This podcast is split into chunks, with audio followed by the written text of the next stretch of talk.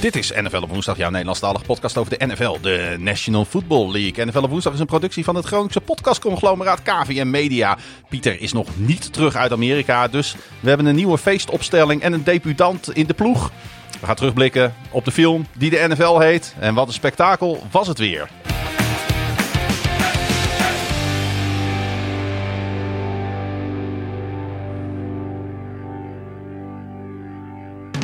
En ik zeg uh, feestopstelling omdat uh, de enige echte Yannick Masson uh, weer tegenover mij zit. De invalpieter van de week. De invalpieter inderdaad. fijn dat je er weer bent, Yannick. Jij hebt zondagavond weer lekker in proeflokaal Hooghout gekeken. Zeker, ik heb mij weer uh, vergaapt aan NFL Red Zone. En uh, ik heb heel veel geld gewonnen, maar daarover later meer. Ja hoor. Ja. dus je kunt, weer, je kunt weer een leuk tripje maken. Ik had daarvoor een hele zware zaterdagnacht gehad uh, in het Groningse stadje G. maar ik, ik heb daarna aan mijn bankrekening kunnen zien dat ik op heel veel verschillende plekken geweest ben. Um, en daar ook veel te veel geld uitgegeven heb. En dat heb ik op die manier weer goed weten te maken. Heb je dat soort nachten ook wel eens in Katwijk, Paul? Was het maar zo. Ja. We zijn hier vooral van de cult en van de gezelligheid, maar uh, heel internationaal wordt het niet. Paul Winters aan de andere kant van de lijn, uh, vanuit uh, Zuid-Holland. super mooi dat je, dat je bij ons aanschuift, Paul. Voor de, ja, ik denk niet dat heel veel luisteraars jou kennen. Dus is, ik zou zeggen, stel jezelf even voor. Dat zal ik doen. Mijn naam is Paul. Ik ben redacteur bij Flashscore.nl. Mijn expertise daar is vooral NFL, American Sports. En um, ik ben blij dat ik er een keer bij mag zitten, heren. Het is hartstikke gezellig en blij dat ik uh, mijn zegje ook eens een keer kan doen. Ja, super mooi dat je daar ook tijd voor hebt vrijgemaakt, zo op de korte termijn. Uh, en ik, uh, ik, ik, heb jou, ik ken jou ondertussen natuurlijk een, een aantal maanden, omdat jij ja, voor hetzelfde platform bent gaan werken als waar ik al een tijdje voor werk. En inderdaad, jouw NFL-expertise komt, komt ons heel goed uit. jij doet heel vaak op zondagavond doe je de verslagjes, hè? Zeker, ja. Met heel veel plezier. En lekker gekluisterd voor de buis met NFL Red Zone. En uh, maar verslaan voor het, uh, het, het, het, Nederlandse volk. Ja. Wat er allemaal gebeurt aan de overkant van de pont. Ja, uh, je hebt ook een favoriet team, hè? Ik heb een favoriet team. En ik ben blij dat die van het weekend een keer niet in actie zijn gekomen voor mijn, voor mijn welzijn. Maar dat zijn inderdaad de Los Angeles Football Rams. Ja, want hoe ben je daar bijgekomen? Ja, een beetje via via veel internationale vrienden. Ik ben er op een gegeven moment ingerold. En uh, ik, ben er niet voor, ik ben niet voor succes gegaan, want ik ben in het laatste jaar van Jeff Fisher ingestapt. Uh, mm-hmm. Dus um, Mr. 8 and 8. Dus dat is me niet um, heel goed bevallen in het begin. Maar, toen, de, toen de Rams nog in, uh, in St. Louis speelden. Ja, allerlaatste fase. Ja. Allerlaatste fase. Ja, vond jij het uh, ook jammer dat, dat het team verhuisd werd naar LA? Ja, ik had er zelf nog niet zoveel sentiment bij. Dus uh, ik, ik, ik, ik voelde er nog niet heel veel drama of emotie bij. En ik vond het eigenlijk wel mooi dat ze naar een grotere markt gingen, eigenlijk. Ook omdat St. Louis gewoon qua NFL-markt een beetje aan het uitpoeden was. Ja, en heb je ook een favoriete speler? Of, uh, of is dat gewoon Kurt Warner, uh, zeg maar, op basis van het verleden? Ik um, romantiseer Todd Gurley heel vaak. Ah. Ik, uh, ik mis hem vaak op het veld en ik vind het jammer dat hij nooit echt zijn volledige potentie eruit heeft kunnen halen over de jaren heen. Nee. Dus, uh, maar uh, dat, die blijft altijd in Mars zitten, ja. En verder ben ik voor, voor nu een groot fan van onze Puka Nakua. Ja, en terecht. Puka Nakua. Ja, want die verbreekt alle records natuurlijk op dit moment uh, daar in LA. Uh, het is echt niet normaal wat hij uh, laat zien. Uh, en de beste naam in de NFL. Ja, had jij, had jij ja, dat sowieso. Maar dat is wel grappig als we het toch heel kort even over de LA Rams hebben. En ik, ik, wil daar later in de aflevering nog even op terugkomen. Want ik ben toch wel benieuwd hoe jij kijkt zeg maar, naar waar dit team staat. En, en met name ook wat hun toekomst ons als NFL-liefhebbers gaat brengen. Maar uh, zo'n zo Puka Nakua, als jij, jij bent fan van de Rams, uh, je houdt ze ook dan veel meer uh, natuurlijk in de gaten als, als, als bijvoorbeeld ik, als Ravens fan. is dat dan zo'n naam waar iedereen van opkijkt die niet zo in de Rams zit, maar die jij had zien aankomen? Je zag al in de OTA's en in de, in de, in de trainingskamp dat hij echt wel de blikken ving van de, de blikken wist op te vangen van McVay en dat hij al heel vroeg samen wist te werken met de Breakfast Club, dus met Stafford en met Cup. Dat hij al die vroege ochtend al op het complex ging zitten en, en, en gewoon eerst ging kijken naar wat, hoe zij dat deden met film en met de breakdowns en hoe hij zichzelf erin kon werken. En uiteindelijk moest hij dus natuurlijk de rol oppakken van, van Coop. Ja. En uh, nou ja, je, je ziet aan de voorbereiding die ze hebben gehad en de, hoe, hoe, hoe nauw ze samenwerken, dat het gewoon goed ging. En ik kan niet zeggen dat dat uh, geen verrassing was zoals het nu gaat. Want dit is natuurlijk, nou ja, dit is uh, bijna nog nooit eerder gezien. Nee, nee, precies. Eigenlijk, eigenlijk simpelweg nooit eerder zo gezien. Maar um, het was zeker een naam waar je echt wel, uh, waar je echt met een, gro met een goede grote marker op, uh, op kon stiften. Zodat die echt in de gaten kon worden gehouden. En ik ben zeer, zeer tevreden met hoe dat voor ons nog uitpakt. Ja, ik denk dat eigenlijk alleen dat Jamar Chase in de buurt komt als, als receiver die in de laatste, laten we zeggen, pakweg 5, 6, 7 jaar dit in zijn eerste weken liet zien. Ja, ik, ja want zelfs Justin Jefferson deed dat niet in zijn eerste nee. twee weken, zeg maar, zoals hij dat heeft gedaan. Nee. Maar uh, of hij op hetzelfde aantal uitkomt aan het einde van het jaar, nu die ook uh, snaps deelt, natuurlijk met Cup, gaan we zien. Maar dit is echt wel iets uh, om zeker nu echt te waarderen, ja. ja. Goed, uh, de Rams komen we later dus nog wel even op terug. Um, als, we het ook, uh, als we ook bij die divisie aanbelanden, bij de teams uit die divisie. En dan met name natuurlijk uh, de 49ers en de Seahawks, die ja, toch wel een beetje aan het weglopen zijn natuurlijk. Um, en, en de Rams die hangen een beetje de, de, de tussenin. Hè? Zo zou je het eigenlijk wel een beetje kunnen zeggen. Um, schot voor de boeg, uh, voordat wij naar de eerste wedstrijd gaan. Is er iets wat je er alvast even uit wil lichten? En dan begin ik bij jou, Yannick. Poeh. Iets wat je opgevallen is, iets wat je bijgebleven is. Nou, je had het in de, de, de, de intro over het, de film die de NFL heet. Daar hadden wij het van tevoren over. Ik ben natuurlijk een relatief jonge NFL-kijker, zoals de luisteraars van deze podcast inmiddels wel weten. Um, maar ik, ik besefte me afgelopen weekend nog meer dan hiervoor dat dat eigenlijk is wat het is ten opzichte van andere sporten. Het is, een, het is niet alleen een sport, het is ook een film, een verhaallijn die je, die je aan het volgen bent. Um, en dat komt door dat extreem korte seizoen uh, wat ze in de NFL hebben. Ik denk dat dat daar een hele grote, grote rol in speelt. Maar dat is eigenlijk een, een soort besefmoment was dat. Mm. Dat ik dacht, goh, dat is eigenlijk wat de NFL zo vet maakt. Het is een verhaal en niet zozeer een sport. Ja, want uh, dat is ook het leuke aan zeg maar, het volgen van de NFL. Uh, elk, alle 32 teams hebben een eigen ontwikkelingslijn. Ja. En hebben een eigen uh, verleden met eigenaars en met speelsteden die veranderen. En met teams die opnieuw opgebouwd worden. En teams die uh, in, in de roos schieten als het gaat om het binnenhalen van een franchise Ja. quarterback. En teams die dat juist weer niet doen. En ja, zo, zo, dat is ook een beetje het lastige natuurlijk aan het maken van deze podcast, Paul. Dat is dat die, al die 32 teams zijn boeiend.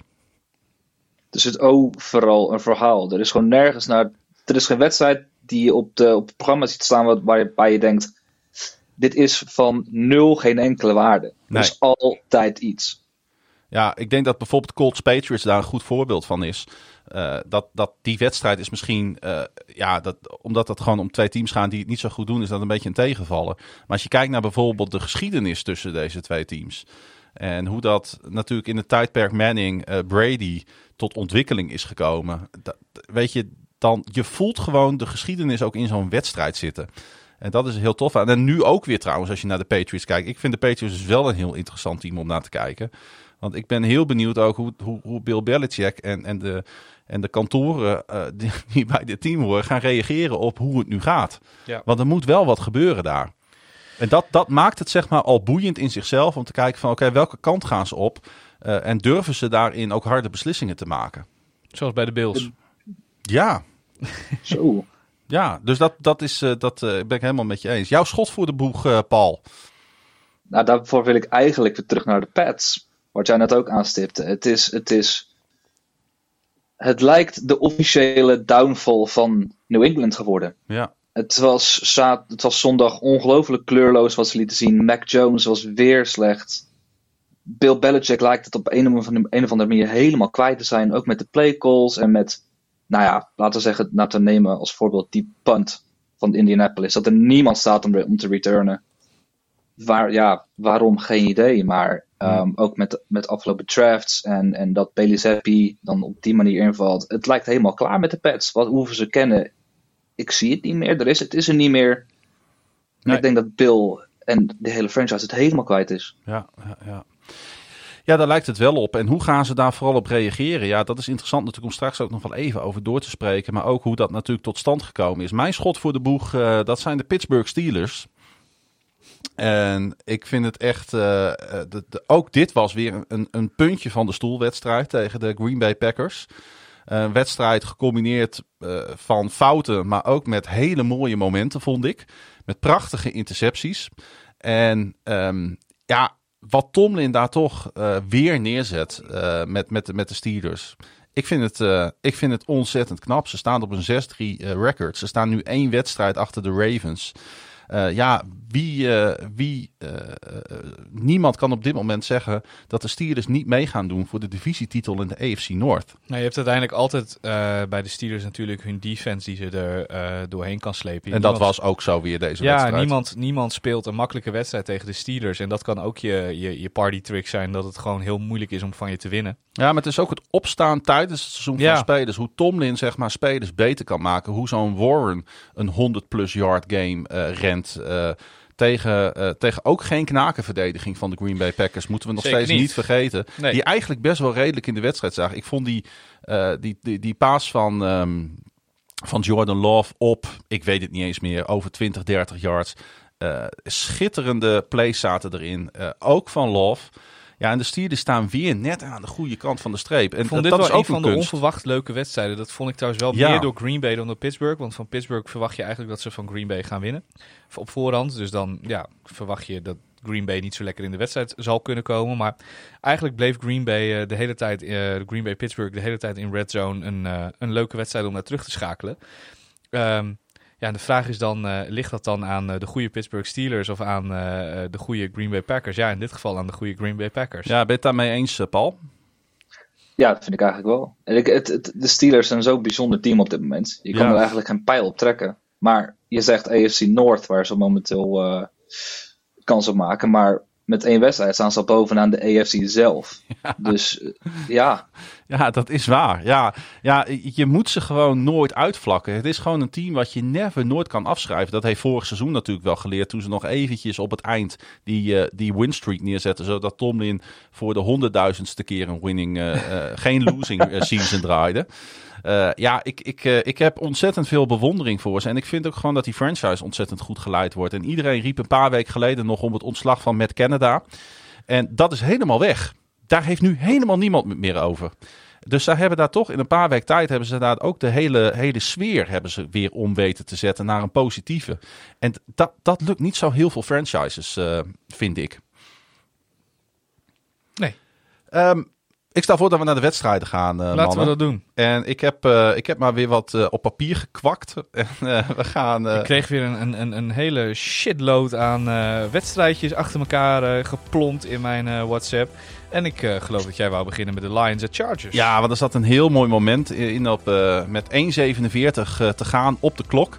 Stond het eh, 38-38 tussen de Chargers en de Lions inderdaad. En ehm, wie anders dan Dan Campbell, die ging ervoor op eh 4 en 2 vanaf de Los Angeles 26 yard line. Hè, ze hadden makkelijk natuurlijk die field goal binnen kunnen trappen. Maar dan was er nog tijd over geweest voor de Los Angeles Chargers. Die er aanvallend ook vrij goed in zaten. Ja, en eh, deze actie van, eh, van Campbell, eh, Paul, die heeft zich natuurlijk fantastisch uitbetaald. het is het, is het kneecap-biting voetbal van, van Dan Campbell, hè? Ja, Het, Ja. het, het is geen excuses, het is ervoor gaan. Het is jouw. Het is, je kan me twee keer neerknokken en ik kom er gewoon bovenop. Ik pak elke van je knieschijven en je gaat er gewoon aan. ja. Het is, weet je wat hij vandaag Dus- zei over, Nee. over dit moment? Hij zei, dit, Ja. gaan, dit gaan we nog vaker laten zien. Ik zou zeggen, als je de Lions gaat kijken, doe maar een luier aan. Hele goede quote, hele goede quote. Hij is trouwens ook groot Metallica-fan, kwam ik achter. Nou, zo ziet het er ook wel uit. Dan heeft hij, dan heeft hij dus meteen me mijn sympathie. Helemaal niks. Nee, dan heeft hij meteen mijn sympathie. Ik wil ook gewoon nog steeds een leeuw zien aan de zijlijn. Dat, ik, ik, wil, ik wil die belofte, die, die wil ik gewoon. Ik wil dat, uit, ik wil dat uitzien komen. ja, die, echte leeuw, dat heeft hij gezegd, hè? Een echte leeuw. Ja, hij wil een echte leeuw aan de Hij, zijlijn. zegt, hij ja. zei, zet maar gewoon twee van die kooien neer met echte leeuwen erin. En dan gaan we gewoon met echte leeuwen in het stadion spelen. Eh, vanuit het eh, animal cruelty standpunt ben ik hier heel erg op tegen. Vanuit het standpunt eh, dat het er heel vet uitziet, ben ik er heel erg voor. Weet is, je, de NFL is zo'n film, ook hier weer. Ja, Ja, maar de Lions zijn eh, eh, ik, voor mij in ieder geval het meest likable team al heel lang in de NFL. Het Ja. komt ook omdat ik er een paar keer geweest ben. En met name natuurlijk het moment, zeg maar, dat iedereen in het stadion als de Lion King muziek wordt gedraaid, zijn- zijn zijn baby omhoog gaat houden. ja, dan, dan, dan, dan smelt ik er al gewoon. wat, dan breekt er al wat in jou. Ja, nee, zo ken ik jou ook, Klaas, En- als een gevoelig mens. Ja, maar überhaupt als je door Detroit loopt en je loopt naar dat stadion toe. Het is allemaal niks. Er is geen tailgate. Nee. Er zijn alleen maar parkeergarages. Je, je, je kunt er niks. Maar ik wou ook net zeggen, het, het is ook niet alsof Detroit nou zeg maar een stad is waar je, eh, als je van lichtpuntjes houdt, dat je daar enorm naartoe moet gaan. Want er Nou, zijn dat- weinig lichtpuntjes. Nou, dat, dat is maar dus... de Detroit Lions zijn wel een van die lichtpuntjes. Ja, maar het is dus aan het veranderen. En je merkt eigenlijk dat de verandering die in de stad plaatsvindt. Eh, en er, zijn, er zullen ongetwijfeld mensen zijn die zeggen van Klaas-Jan, je gaat hierin veel te ver met deze symboliek. Maar de stad ontwikkelt zich en deze, dit team is zich ook aan het ontwikkelen. En ja, je kunt toch ook wel stellen eh, ehm, dat, ze, dat ze zich eh, aardig hersteld hebben ondertussen natuurlijk van die, van die gigantische nederlaag in, in Baltimore. Ja, en hoe ze, het, hoe ze het deden weet ik niet helemaal. Want ik weet niet of iemand de stats van Justin Herbert bekeken heeft. Eh, maar de beste man had eh, 323 yards, 4 touchdowns, 1 interceptie en een passer rating van 114,9 met 0 sacks. Dus Hij had 0 keer gesackt. Ja, De Chargers scoorden 38 punten en ze verloren. Hoe is het mogelijk als je quarterback bij de Char- Chargers dit doet? nou, omdat, omdat dit de Chargers zijn, Paul. Ze zijn weer aan Charger. Ja. Ja, en je kunt altijd, Ja. je kunt altijd op ze rekenen. Hè? De, de, de, ze, ze coveren nooit de spread, maar, ze, maar ze verliezen altijd. Het is. Ja, ik heb een zwak voor Brandon Staley, want hij is natuurlijk toen onze, onze defensive coordinator geweest Mhm. in, in, in het Super Bowl jaar. Dus ik heb een enorme zwak voor Staley, maar het- op een gegeven moment De man kan niet coachen. heel veel langer mee door. De man kan gewoon geen wedstrijden uitcoachen. Hij heeft zo'n bizar, bizar roster. Hij heeft eh, enorm talent in, in, in Eckler, in nog steeds een Keenan Allen. Want laten we niet Mhm. vergeten, op zijn oude dag, die laat het ook gewoon enorm zien momenteel. Hij is een Justin Herbert, een potentieel generationele quarterback. Ja. Ja. En om hem heen, weet je, de, de O-line is prima. De, de, de D-line, ja, kan werk eh, gebruiken. Maar dan heb je alsnog erachter Derwin James bijvoorbeeld. En je staat gewoon 4 en 5. Ik denk dat Herbert inderdaad een, een, een, een generational quarterback is. Dat is niet eens een vraag. Ik denk dat hij dat is. Eh, met de, de statistieken die hij deze zondag haalde, gaat hij eh Peyton Manning en Dan Marino voorbij als de speler met de meeste passing yards eh, in zijn eerste vier seizoenen. In hun eerste vier seizoenen. Dat, dat zijn natuurlijk wel cijfers waar, waar, waarvan je zegt, ja, normaal gesproken hebben we het dan over een, een, een generational quarterback. Dus ehm, hoe, je, hoe je het dan toch voor elkaar krijgt om toch steeds zo te chargeren, dat lukt alleen de Chargers. Nou ja, kijk, die verdediging die laat het natuurlijk eh, regelmatig afweten. Eh, ik zou bijna willen zeggen, het maakt niet zoveel uit welke quarterback je ne- neerzet. Als je, als je je het zo laat ja. gaan. Als je altijd 40 punten weggeeft per wedstrijd, of tenminste altijd 35 plus punten, dat, ja. Hoe, hoe kijk jij naar Jared Goff, eh, Paul? Want het is juist interessant natuurlijk om even aan jou te vragen. Ik heb altijd ook voor Goff wel een zwak gehad. Maar ik moet zeggen, in zijn laatste periode, zijn laatste, vooral laatste seizoen bij de Rams. En dan denk ik vooral terug aan de wedstrijd tegen, in en tegen Miami. Ja, dat, dat, dat was een dumpster fire. Het Mm. werkte niet meer onder McVay. En, en eh, het, het talent dat je binnenhaalde als de first pick in de NFL draft. Met zoveel ehm, commotie en met zoveel verwachtingen rondom Goff en Wentz. Dan haal je Goff binnen. En dat gaat goed. Je gaat naar de Super Bowl. Maar de laatste jaar, de laatste twee jaar waren gewoon niet goed. Maar tegelijkertijd die renaissance die hij nu doormaakt onder Campbell in Detroit. Dat is waanzinnig eigenlijk. Ja, want hij, Het is een tot- totaal andere speler hij geworden. krijgt ook het vertrouwen van Campbell. Hè? Want ik vind dat die 4 en 2, eh, die uiteindelijk door Goff wordt omgezet in een 6-yard completion naar rookie tight end Sam Laporta. Over grote verrassingen gesproken dit seizoen. Sam Laporta, wat speelt die fantastisch. Fenomeen ook. Ehm, eh, het is natuurlijk interessant wat daar gebeurt. Want die 4 en 2 is eh, vanuit klokmanagement en vanuit coaching eh, management is dat natuurlijk een geniale eh, eh, eh, beslissing. Maar daarmee laat hij ook zien van golf, ik geef de bal in jouw handen en jij gaat het voor dit team nu doen. Dat vertrouwen, dat Ja. miste hij aan het eind echt onder McVay. Hij had het niet meer onder McVay. En met Campbell, weet je, Campbell die was Goff was zijn ride or die. Ook toen, toen ze in, de, in de, zo lang moesten wachten op de eerste zege onder Campbell. Toen, toen, toen het kwam tegen Minnesota. Je zag wat dat met Goff en met Campbell deed toen de Hmm. tijd. En sindsdien is er eigenlijk een hele grote stijgende lijn ingezet. En dat allemaal nog steeds met Goff aan de center. En dat gaat beter en beter. En hij is stabiel, hij doet het goed. Hij heeft eindelijk die, die explosiviteit die hij in Los Angeles ook vrij veel miste. Het was heel erg conservatief wat hij liet zien. En nu, laat hij, nu gaat hij helemaal, hij gaat helemaal los. Ja. En het kon eigenlijk op, nou ja, ook voor mij, voor geen beter team. Onder geen, geen, geen sympathiekere coach en betere omstandigheden. Want ik gun het Detroit ook gewoon enorm. Ja, en je ziet dat dit team, en dat is natuurlijk geen geheim, dat is natuurlijk überhaupt een soort van vaste basis in de NFL. Als je een running game hebt en die run game loopt, hè, David Montgomery 116 yards, 12 carries, inclusief natuurlijk die 75 yard touchdown in het eh, tweede kwart. Jameer Gibbs die daar 77 yards aan toevoegt en twee touchdowns. Eh, en je hebt een receiver in huis als Amon-Ra St. Brown, die een career high 156 receiving yards op 8 catches vangt. Inclusief natuurlijk die 20 yard touchdown, die de Lions een 31-24 voorsprong in het derde kwart geeft. Ik noem het gewoon, ik, ik, ik, zeg, maar, ik, zeg, maar, ik zeg dit expres om even aan te geven hoe spectaculair goed het was. Ja, maar de Detroit Lions zijn natuurlijk... eh, Oké, ze hebben een wat wisselvallige periode gehad. Maar wat ze aan het begin van het seizoen lieten zien was natuurlijk ook al bizar. Met volgens mij een, was het niet een 5-0 run of zo die ze op een gegeven moment hadden. Een 4-0 run in eh, overwinningen. Eh, in elk geval, ze staan nog steeds gewoon 7 en 2. Ja. Ehm, en zijn daarmee een van de favorieten voor een mogelijke Super Bowl, eventueel. Ja, want- op basis van record. Hè? Kijk, Is- op basis van prestatie is het natuurlijk wel. eh, ze hebben die twee verliespartijen waren twee hele rare, rare wedstrijden. In de zin van ehm, rare uitslagen. Ik weet niet eens meer zo goed uit mijn hoofd tegen welke tegenstanders dat waren. Ja, tegen de Seahawks bijvoorbeeld eh, Ja. thuis. precies. Dat Die overtime, eh, Van, ja. ja. van die wedstrijden waarvan je verwacht dat ze hem gewoon over de, over de streep trekken. En dat dan toch uiteindelijk niet doen.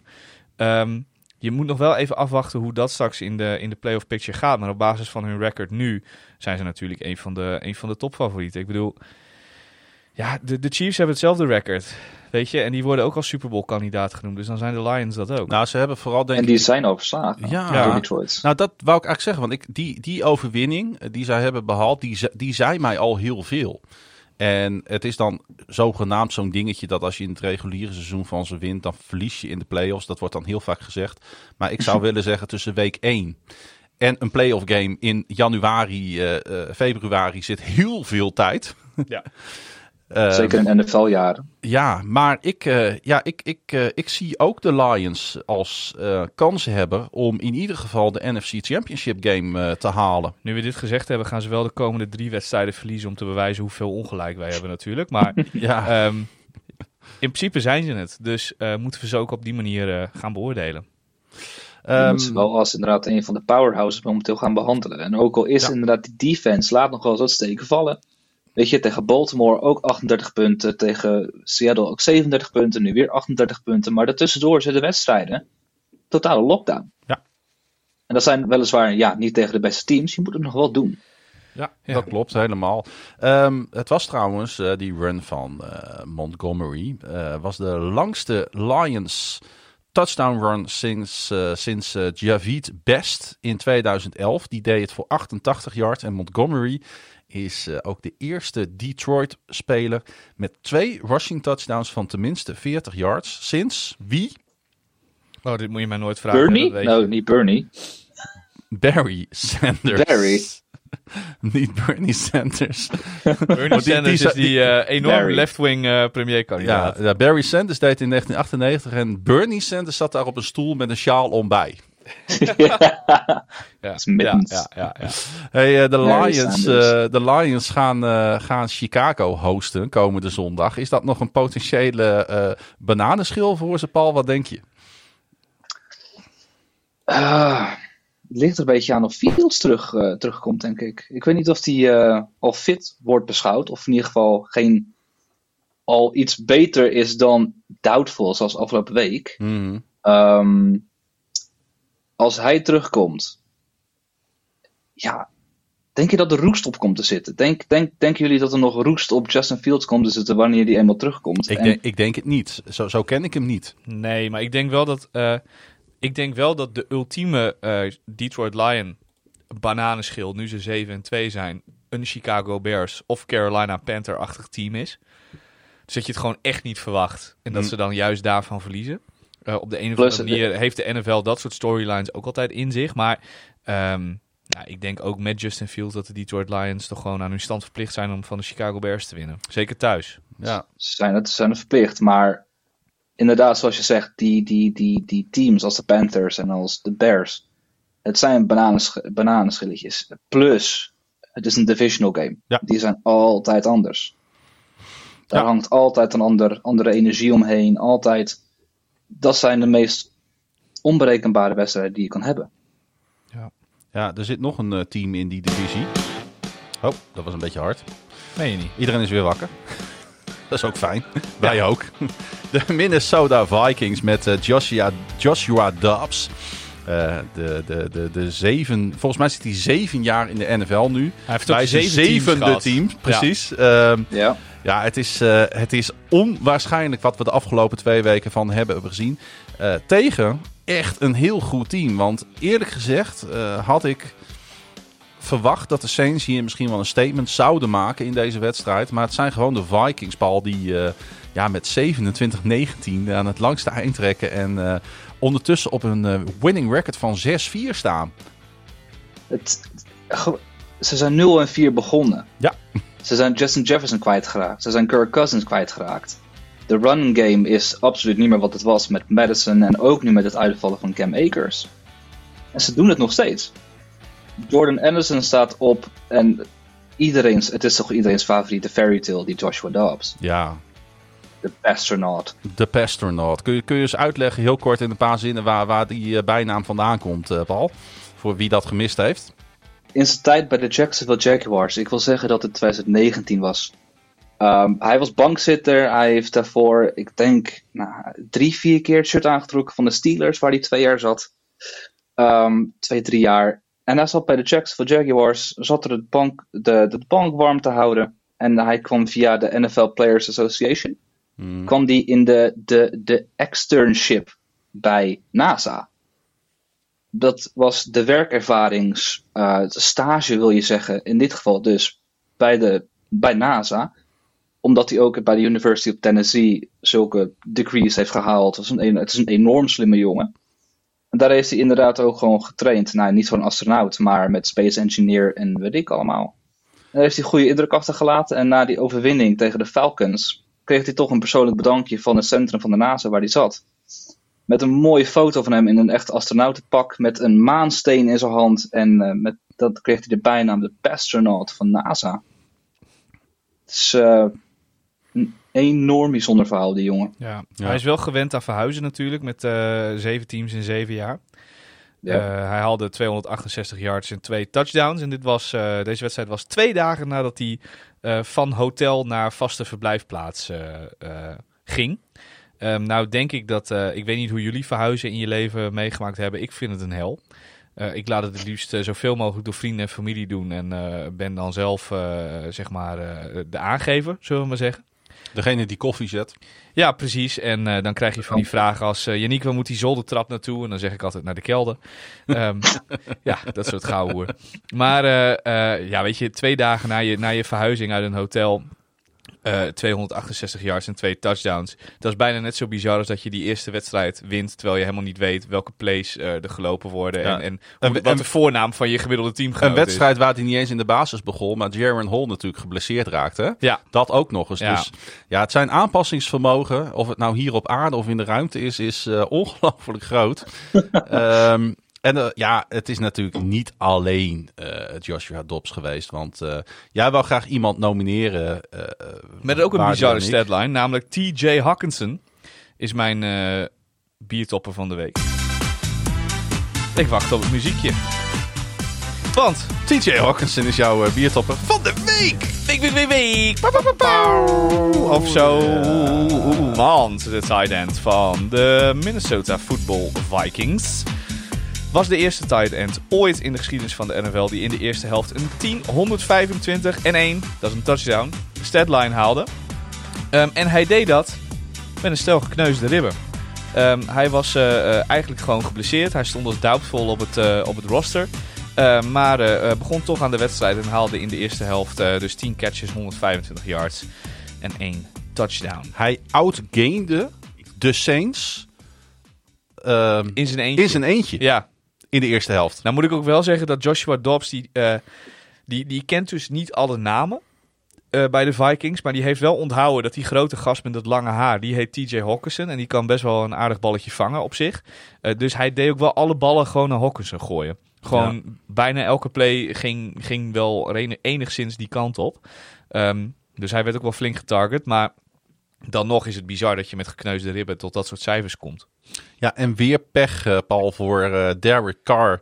Die in het derde kwart met een hersenschudding en een uh, schouderblessure uitviel. Um, ja, geluk volgt hem nou niet echt in zijn carrière, hè? Je zou zeggen van niet. En ik hoop ergens nog dat het komt, want hij heeft ook nog steeds een beetje wel die gunfactor. Maar ik moet zeggen, ik kan er nog steeds genieten van crack legs. James Winston, wanneer die dan er weer in komt. En het is zo'n verschijning op het veld. Ook dat die, die, die touchdown pass op A.T. Perry.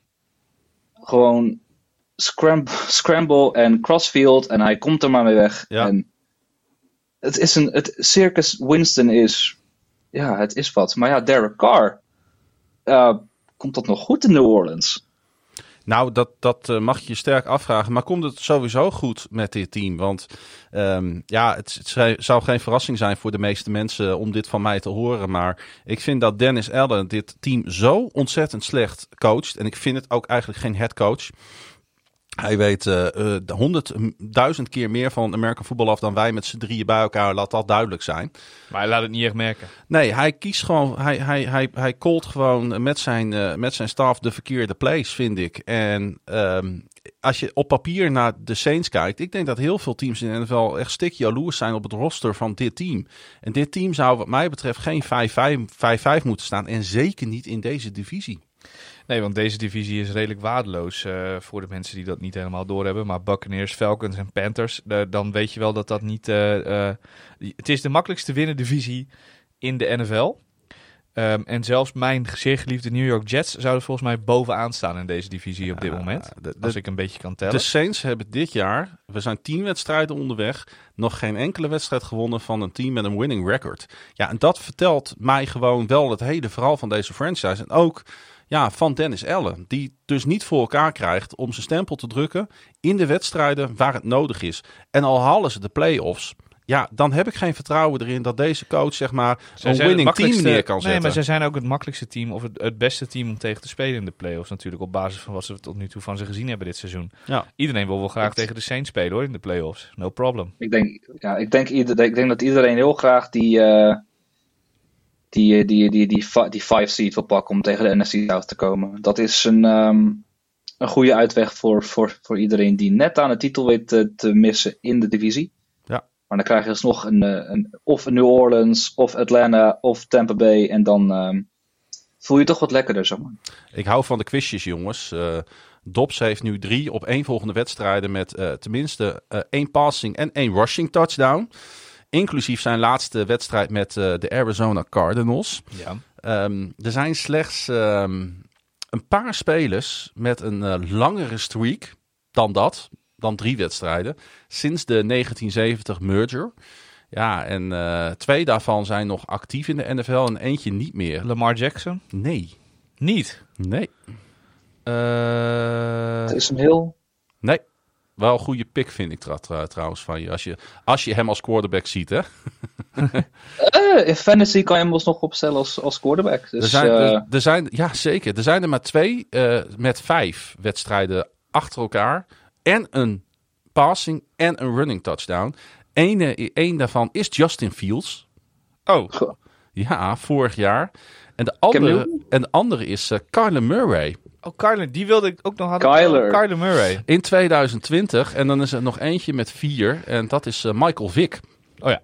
In uh, 2010. Het is toch leuk om zijn naam af en toe weer even te noemen in deze podcast. Want dan uh, gaat het hartje van de NFL-liefhebber vaak toch weer even kloppen voor hem. Ondanks dat hij ook dingen heeft gedaan waar, waar sommige mensen niet zo heel erg vrolijk van worden natuurlijk. Maar uh, dat tezijde. Ja. Hey, uh, de Minnesota Vikings 6-4 zijn zij dan het team wat, uh, wat het nog deze Lions lastig kan maken? Moeten we daar toch ook het even heel eerlijk over hebben? Nou, deze Vikings zijn wel vanaf het moment dat ze Joshua Dobbs erbij hebben... ineens weer een team om serieus te nemen op de een of andere manier. Want die Dobbs die doet het zo verschrikkelijk goed in combinatie met de rest van dat team. Um, ja, weet je, van een 6 en 4 kun je nog kun je nog een heel eind komen, ook in deze divisie. Uh, want die Lions hoeven maar een beetje te gaan charger, chargeren. Ja. En uh, voordat, je het, voordat je het weet, sta je bovenaan. En ze ja. staan er maar twee potjes achter. Ja. het, het, zou wel echt de storyline van dit jaar zijn. Hè, de rest als, van de divisie is redelijk lukt. kansloos. Want de Bears, ja, oké. Okay. En de Packers zijn 3 en 6. En die maken nou al het hele seizoen niet echt de indruk dat dat nog wat gaat worden. Dus ja. Nou, dat is precies ook uh, waar we heen gaan. Uh, naar die wedstrijd tussen de Green Bay Packers en de Pittsburgh Steelers. Uh, ja, de, de Packers die eigenlijk best wel redelijk voor de dag kwamen. Maar gewoon nog maar slechts op een 3-6 uh, record staan. Uh, met name in, in, in, wedstrijden buiten Green Bay hebben ze het heel erg moeilijk. Hebben ze een 1 en 4 uh, record. Ja, en dat is toch, uh, toch weer die Pittsburgh Steelers defense. Met toch, en zie ik dat verkeerd Paul, een aanval die ook wat beter begint te spelen in Pittsburgh. Je zou het voorzichtig kunnen zeggen, want dat kwam Ja. in één keer toch meer op gang, hè?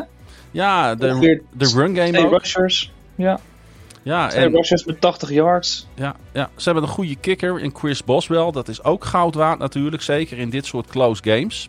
Ja. Ehm, uiteindelijk eh, moest Love wel heel veel proberen op te lossen. Hij was 21 uit 40. Eh, wat, wat zegt zo'n statistiek jou, Paul? Hij was, ja... Kunnen ze nog bouwen op die run game? Want ze hebben Aaron Jones en AJ Dillon en dat ging op zich wel goed. Mhm. Maar je moet jezelf zoveel in die Hero Bowl dan drukken, als het ware. Precies. Het, het, het, is, het is bijna wanhopig. En het is, het is niet Des Green Bay's, laten we zeggen. Nee, nee. Eh, en, en natuurlijk eh, aan de andere kant eh, begint er nu toch wel steeds meer waardering te komen voor Matt Canada. Die hè, van eh, de coachbox boven in het stadion naar de sideline is gegaan.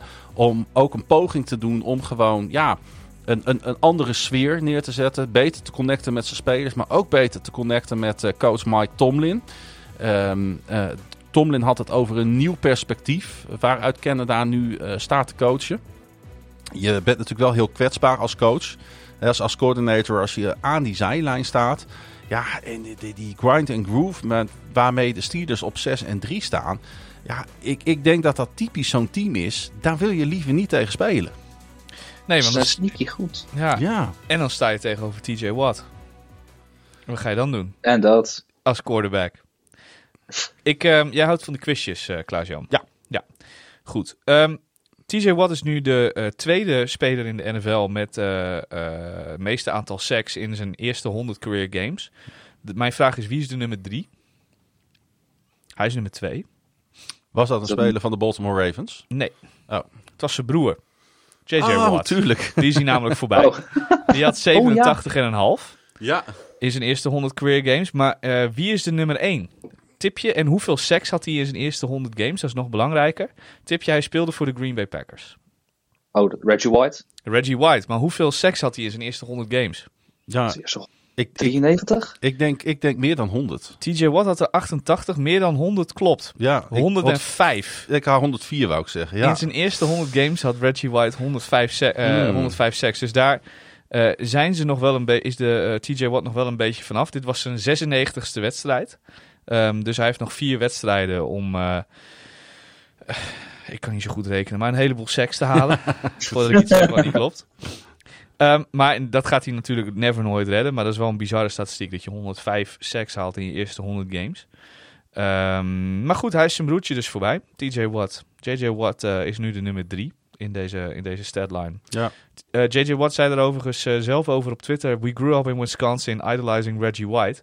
If you told us that someday a stat like this would exist, we wouldn't believe you. Dus Reggie White 1, TJ Watt 2 en JJ Watt 3. Is het seizoen van de Packers nu definitief over, Paul? Ik zou willen zeggen van wel. Ja. Ik, ik, ik zie er zo weinig heil in dat ze het nog gaan redden. En ze hebben echt nog wel een, een ja, een aantal wedstrijden waarvan je denkt, die kunnen nog wel eens positief uitpakken. Maar over het algemeen, je hebt nog, je, je hebt de Chiefs nog, je hebt de Lions, uh, je hebt de Lions nog, je moet nog naar, je moet nog naar de Vikings. Um, ik zie, ik zie het niet zo snel gebeuren. Nee, nee. Er moet wel heel veel veranderen. Wil dit nog uh, echt een positief uiteinde krijgen? Ja, en dan, dan moeten ze er nu natuurlijk over gaan nadenken. Van gaan ze dan met Jordan Love door op deze ingeslagen weg? Of, uh, of gaan zij voor een verandering? En ik heb het idee dat dit typisch een franchise is die, dan, die juist die verandering niet gaat doorvoeren. Maar wil kijken of zij uh, ja, de, zeg maar de volgende Favre, de volgende Rodgers kunnen maken van deze Love. Maar zit het erin voor jouw gevoel? Nee. Nee, ik zie, ik, zie, ik zie die standvastigheid niet. Ik zie het, het, het, het voetbal-IQ zie ik bij Love. Ik, um, hij heeft echt wel zijn flashes hoor. Weet je, die, die, die bal volgens mij die je bedoelde was volgens mij op Jaden Reed. Ja. Hij heeft echt wel een paar goede diepe ballen in huis, maar hij is niet de game manager die je wil. Zeker niet als, als een, een franchise zo steeped in history als de Green Bay Packers. Hm. Daarvoor moet je voor het hoogste gaan. Daarvoor moet je voor het beste gaan. En dat is Jordan Love in mijn ogen gewoon niet. Nee. Nee, nee, nee. nee ik, ben het, uh, ik ben het met je eens. We gaan naar de volgende pot, jongens. De Tennessee Titans en de Tampa Bay Buccaneers. Want uh, dat laatste team, dat won weer eens. Na uh, volgens mij een losing streak van vier wedstrijden. En uh, ja, ik zag uh, op een gegeven moment beelden van Mike Evans die op de bank zat en uh, naar zijn lege handen staarde. Net zoals bij die drop pass in de endzone van hem. Ja. Want ja, dat, dat ja, is... Hij was heel boos op zichzelf hè, dat hij die bal niet gevangen had. Ja, en terecht, weet je. We hebben het hier wel over de all-time re receiving leader natuurlijk van, van de Buccaneers. Ja. En de enige speler in NFL history die een carrière begint met negen op één volgende 1000 yard plus seizoenen. Uh, uiteindelijk deed de Buccaneers geen pijn. Want uh, ze wonnen met uh, 20-6. En we gaan het zo meteen hebben over die Tampa Bay Buccaneers. Want daar was een, luisteraarsvraag over. Dus daar ga ik zo meteen even op inzoomen. Je hebt eerst... er ook een enorm extreem lang artikel over geschreven op Flashcore? Nee. Oh niet? Nee. Nee, hoe kom je daarbij? Dat was toch de vraag van die, een van de luisteraars? Of ik dat, dat wou doen? Ja. Oh, dat weet ik niet. Oh, dat, dat ja. heb ik gemist. Nee, oh, dat zou kunnen. Een full game recap op de, op de flashcore van deze wedstrijd. nou ja, nee. we, gaan, we gaan het er. Da, da, daar lijkt me NFL op woensdag net wat geschikt voor. Tenzij Paul zich geroepen voelt om een diepgaand uh, analysestuk over de Tampa Bay Buccaneers te schrijven. ja. Het is niet de grootste charme, maar. Nee, nee. Die uh, kanonnen wel, die zijn vet. Ja, dat blijft oh, mooi. Die zijn blijven leuk. Ja, ik, wil, ja, ja. Ik, wil, ik wil dat piratenschip in mijn kamer. Ik heb er nog wel een voor je, maar dan van Playmobil. Jullie blijven toch jochies, dat is toch leuk hè? Boys will be boys. Of course. De Tennessee Titans wou ik het eerst even over hebben. Want uh, jemig jongens, uh, met name buiten Nashville is, uh, is, is dit team gewoon echt brandhout hè? Ja, de nieuwe barman van uh, Proeflokaal Hooghout is fan van de Tennessee Titans. Nou, gefeliciteerd. Um, en ja, hij heeft ook nog een, uh, een nieuwe collega die ook vaak op zondag erbij is. Een, uh, een mevrouw, Mafalda. En die wilde graag een team kiezen. Want ik had tegen haar gezegd, kies, kies een team in de NFL. Want dan wordt het leuker om met ons mee te kijken. En toen zei ze, voor wie ben jij? Toen zei ik de Jets. Ik zei, maar doe dat maar niet. want dat stelt met enige regelmaat teleur. Vervolgens vragen ze dus aan collega Max, de barman, welk, voor welk team ben jij? Die zegt de Tennessee Titans. Maar doe dat maar niet. Um, want dat wordt ook niet wat. Voor welk team is uh, uh, Pieter? Die had ze namelijk ook al een keer ontmoet. Ik zei, die is voor de Chicago Bears. Want die heeft ooit mij bij de beide schouders vastgepakt. Mij diep in de ogen gekeken en gezegd... wat je ook doet, kies niet voor de Chicago Bears. Uh, het logo van de Baltimore Ravens vond ze niet zo heel erg interessant. Want ook dat was belangrijk. Nou, dat, dat uit... vindt ze mij ook niet interessant. Want ik zit toch altijd in de logo van de Baltimore Ravens. dat is waar. Toen kwam ze uit bij de Tampa Bay Buccaneers. Toen zei ik, die hebben een piratenschip. Toen was ze verkocht. Ik heb er maar niet uitgelegd dat dat ook een klote team is. Ja. Dus ja. ja, maar ik, ik zei, eer, we hebben het hier eerder ook al over gehad vanavond. Ik zei, het is wel een team met gewoon twee Super Bowls achter hun naam, hè, deze eeuw. Ja, ja. Dat wel. Dat Weet wel. Je, dat, dat zijn ook de Tampa Bay uh, Buccaneers. Dat zijn ook de Tampa Bay Buccaneers, maar dat zijn niet per se deze Tampa Bay Buccaneers. Maar jij wou het over de Tennessee Titans hebben. Nou ja, dat, dat gewoon, dat de, misschien wel um, uh, de grootste teleurstelling van het seizoen is. En ik had ze al niet heel, heel hoog ingeschaald nee, voor het seizoen. Zeggen, had je hele hoge verwachtingen maar dat zij, Titans? dat zij onderaan staan. En dat ze gewoon, uh, zij missen gewoon alles eigenlijk wat de Tampa Bay Buccaneers deze wedstrijd wel hadden. En de, de Buccaneers zijn daar heel wisselvallig in. Ze hadden het deze keer dan wel de absolute wil om te winnen. Ja, En, en de overtuiging om, om gewoon eh, je tegenstander de wil op te leggen. een behoorlijk goede Baker Mayfield. Maar ik zie deze Titans eh, geen enkel team meer hun wil opliggen. Alles, alles vloeit daar op dit moment weg. Nee, nu was het ook nog zonder eh Tannehill natuurlijk op quarterback. Dat hielp ook bepaald niet mee, want die Levis heet hij. Die had een... Will Levis, ja. Ja, die had 19 uit 39 gooiend. Dat zijn niet echt aantallen waarvan je denkt, Ja. eh, daar word je blij van. Omdat je natuurlijk een achter de feiten aanlopen wedstrijd speelt. Ja, maar dat, maar ook de rest van de, de, de, receiving, de receivers van de Titans, er is eigenlijk ook niet één die ik me zo voor de geest kan halen waarvan ik denk, die vind ik goed, die wil ik wel bij de Jets, zeg maar. Ehm, je hebt Derrick Henry natuurlijk. Ja, maar ja, oké. Ja, ja. Nou, ook niet echt, want de receiver set van de Jets is best wel goed. Dat is dan wel een onderdeel waar we, waar we dat goed is. zijn. Maar eh, je hebt natuurlijk Derrick Henry. Eh, ja, als hij er dan eigenlijk niet zo goed in zit in de wedstrijd, dan wordt het gewoon helemaal drie keer niks. En dat kun je van tevoren alvast opschrijven. Ja, dat had dit keer wel alles met de Buccaneers te maken. Ik heb eens even gekeken naar eh, ja, de, de vraag over hoe kan het nou dat de Buccaneers zo in de problemen zitten, werd mij gesteld voor deze wedstrijd. Dus deze wedstrijd heeft gelukkig wel weer wat oplossingen aangedragen. Maar deze Buccaneers hebben wel echt grote problemen. En met name hebben zij bepaalde problemen afgelopen offseason niet geadresseerd. Want eh, net als vorig jaar mist de run game eh, de echte firepower die nodig is om gewoon ook in topwedstrijden eh, erbij aan te Ja. hangen, je aan te klampen in een wedstrijd. Met name omdat de O-line gewoon ontzettend matig eh, blokt. En dat was vorig jaar ook het probleem. Want de interior blocking in combinatie met een trage Tom Brady was natuurlijk vorig jaar al een heel groot issue bij dit team. Hè? Ja. Dat moeten we niet vergeten. En ik was absoluut geen fan van de offensive schemes van eh, Byron Leftwich, die daar vorig jaar als coördinator zat. Dus het is sowieso een goed idee dat hij weg is. Eh, met de komst van Dave Canels, Canales, ik heb geen idee hoe je het Canales? uitspreekt. Canales. Jij bent hier de talenman, eh, Paul. Ik wil zeggen, als het een Latino is, is het Canales. Ja, Ja, Dat, dat is hier niet echt volgens mij. Misschien zijn opa wel. Je weet het niet. ik, noem, ik, noem het, ik noem hem Dave Canels. Eh, eh, ik heb geen idee hoe je het uitspreekt. Ik heb het geprobeerd om het op te zoeken. Klinkt heel vinden. Brits. Nou ja, ik had, ik had gehoopt, want ik ben wel fan van hem. Ik heb redelijk wat persconferenties van hem gezien. Ik vind het een ontzettend leuke vent. Maar dat zegt niks, zeg maar, over zijn kwaliteit als coach. Maar wel wat, Maar hij, wat jij ervan vindt. hij komt wel heel goed over. Ik had echt gehoopt dat eh, met, met die verandering... dat er zeg maar, een soort van verbetering in de run game zou komen. Maar je moet gewoon nu constateren. Je bent tien wedstrijden onderweg. Hè. Je gaat, Ja. ja, het klinkt stom, maar je gaat alweer richting het einde van het seizoen. Het is gewoon niet gelukt. We zijn over de helft en eh, het is niet wat het moet zijn. Nou, het is niet wat het moet zijn. In 2022 eindigde de Bucks met de slechtste yard per carry eh, in de league met 3,4. Ja. We zitten nu dus halverwege november in een nieuw seizoen en Tampa Bay staat opnieuw onderaan. Dat is best knap. Met, Met? niet- met niet 3,4 yards per carry, maar Laat maar raden, minder. Maar- minder. 3,1. Ja, keurig. Goh. Weet slechte. en zelfs een eendimensionale aanval als Houston Ja. doet het beter met 3,6. Ja. Niet alleen Ja. beter nu, maar ook beter ten opzichte van het vorige seizoen van de Tampa Bay Ja. Buccaneers. Om even context te geven, Miami staat eerste met 5,9. Baltimore staat tweede met 4,8 samen met Arizona. Eh, en dat is alleen nog maar de run game. Ja. Als we naar de passing game gaan kijken, ja, daar zit geen consistentie in. Er is een gebrek aan discipline. Ik bedoel, de drop passes van Mike Evans, vooral natuurlijk in de endzone, dat was dramatisch. Maar hij had alsnog op papier een goede dag met 6 uit 10 voor 143 yards en een touchdown. Eh, en, en, en wat voor een touchdown. Zo. Hij sleept gewoon twee verdedigers met zich mee de endzone in. Ja. Ja, en ik, eh, ik, ja, en ik ben nu toch wel heel benieuwd, zeg maar, of hij, en ik ben ook benieuwd hoe jij daarover denkt, Paul. Gaat hij bij de Buccaneers blijven? Of denk je dat hij toch nu een keer buiten Tampa gaat zoeken?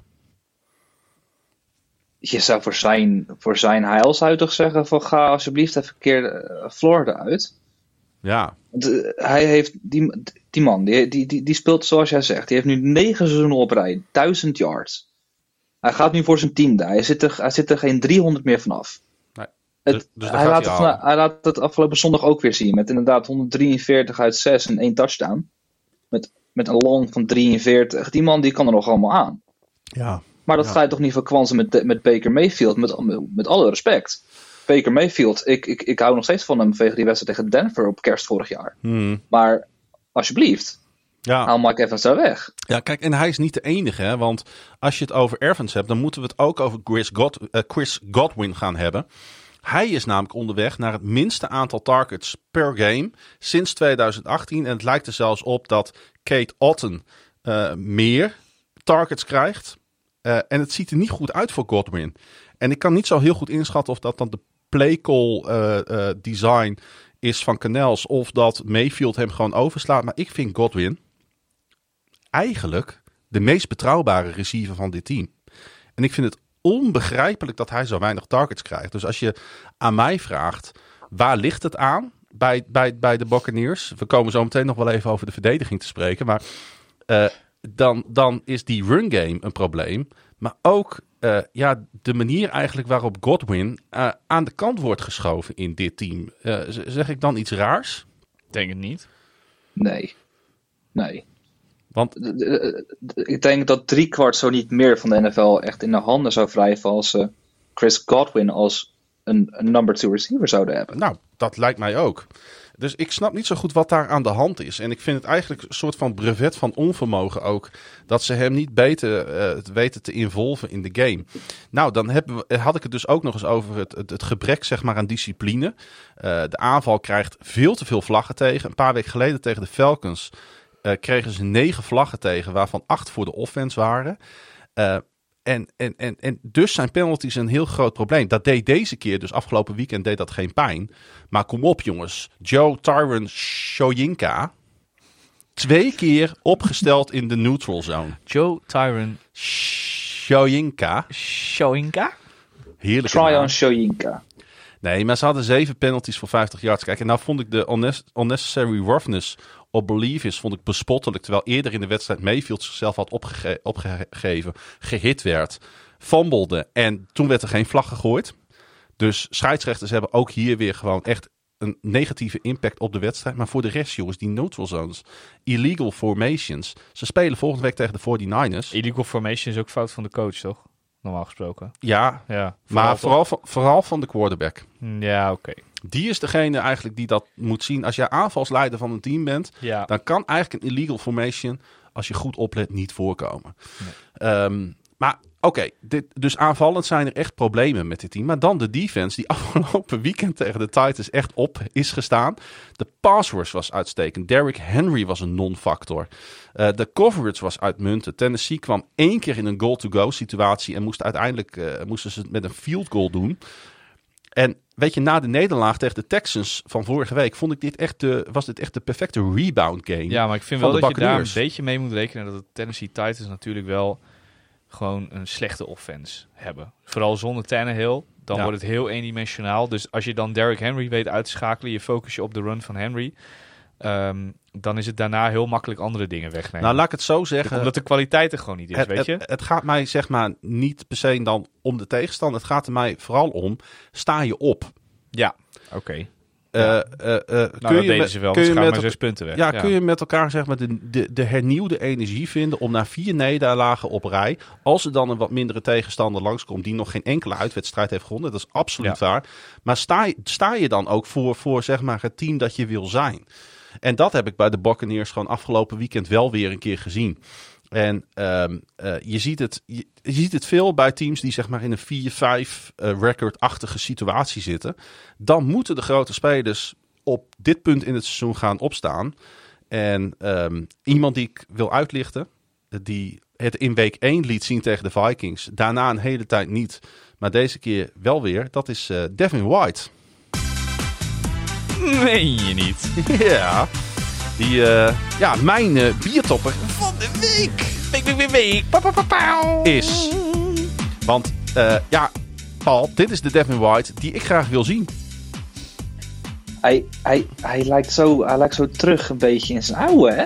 Nou, af- je, afgelopen zondag wel. Eh, ja, Ik, Het- ik kan daar vond, ontzettend ik vond van het wel zo raar dat hij nooit zijn talenten liet zien, dat hij er een beetje uitlag. En het is zo'n dynamische speler, zo'n snelle, atletische linebacker, wat die je toch graag ziet spelen. Ja, Nou, hij is er weer.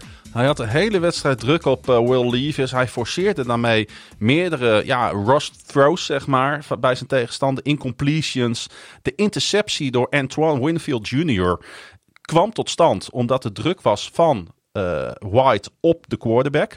Hij was overal. Ja, en nu wil ik het zeg maar. Ik wil hem deze aanmoediging geven. En ik weet dat hij luistert. Aanmoedigingsprijs. Ja, ik wil hem deze aanmoedigingsprijs geven. Want ik wil dat hij dit volgende week ook juist tegen de 49ers laat zien. Ja, um, ik denk dat hij luistert, inderdaad. Ik, ik, ik, ik, ik ben hem niet, jij wel, geloof ik. Bijna wekelijks. Ja. Ja, wekelijks op jaarbasis. Hij luistert meer dan Paul. Uh, dat weet ik niet. Denk ik. Nee, Paul, Paul, Paul, luistert maandelijks volgens mij. Dus dat, ja, nee, Alleen, we hebben, het, wekelijks we, hebben het, we hebben het niet zeg maar, iedere week zo uitgebreid over de Tampa Bay Buccaneers. En nee, ik vond het juist leuk om dat wel een keer te doen. Soms vraagt het moment er ook een beetje Ja, dat moment, ja. en dat moment was gekomen. Want de vraag die nu nog op tafel ligt is en nu? Want de Falcons en de Saints, die verloren allebei. Ja.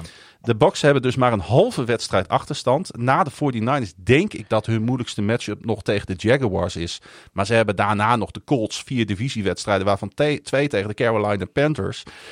Ja, um, zijn zij daarmee eventueel een playoff team? Is dan de grote vraag aan uh, de grote man uit Katwijk.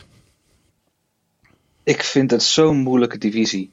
Je, je weet niet waar ze allemaal heen kunnen. Nee. Uh, ik, zit, ik zit ook naar het programma te kijken. Ze hebben inderdaad nog naar de Colts. Wat moet je daarvan verwachten? Ik heb geen idee. Nee. Dat weet je, dat is ook alleen maar een vraagtekenteam. De Panthers ontvangen ze thuis, moeten doen zijn. Dan gaan ze naar de Falcons en ze moeten nog, ze krijgen de Saints en ze gaan naar uh, Carolina, maar ze gaan ook nog naar Green Bay. Ja, dat zijn ook, het zijn ook gewoon die twee teams. Je weet het niet, je weet het niet. Allebei een beetje een, een ongeveerzelfde situatie. Zij het dat Buccaneers nog iets meer waarde hebben, iets meer, iets meer uh, aanwezigheid van veteranen ook in de, in, de, in de offense. Maar ja, jongens, op Lambo, hmm. het is ook weer een bananenschil. Je weet het niet met de Buccaneers, maar je weet het niet in de hele NFC South. Het kan alle kanten op. Maar zij zijn met wat ze afgelopen zondag eindelijk weer hebben laten zien. We zien, het zit er dus wel in. En, en nog even los van dus een Evans die een bal laat vangen, wat hij gewoon niet meer mag doen. Maar dat weet hij zelf ook. Uh, kijk, als het team zo speelt, want we hebben de Buccaneers zijn natuurlijk een super raar team, want ze hebben natuurlijk, ze moeten al dat dat dat dat achterstallige geld nog slikken van uit de Tom Brady tijdperk.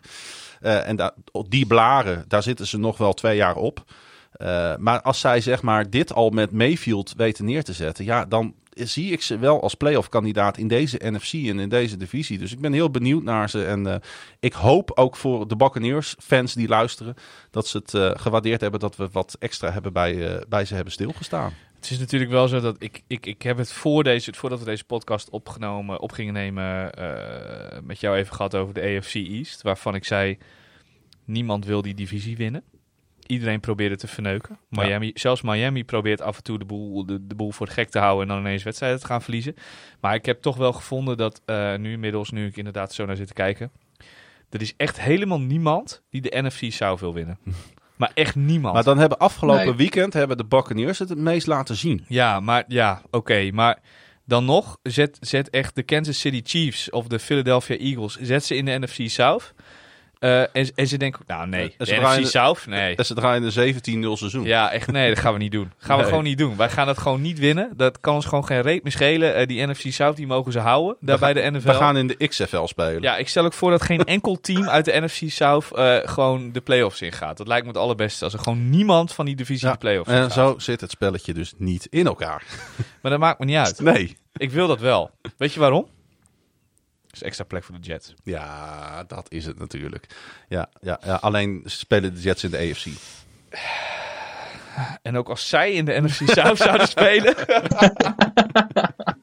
Precies. Hey, uh, Kyler Murray uh, was uh, terug, is terug van weg geweest. Ik wil het trouwens niet lullig doen, hè, maar vergeet je niet een hele wedstrijd in je schema.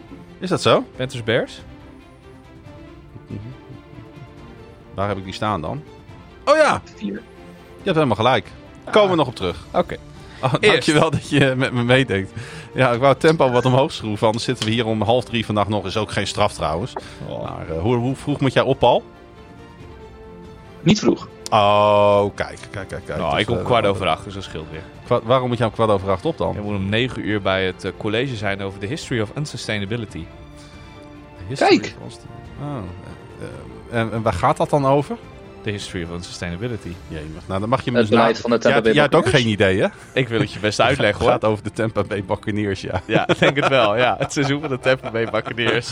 Als, je, als ze jou vragen, zeg maar, om een voorbeeld te geven in moderne geschiedenis. Ja, Dan er, kun zat, je- er zat dus een... eh, ehm, dit wordt heel raar zo. Kun je dat muziekje even uitzetten? Nee hoor, die laat ik gewoon naast. Oké.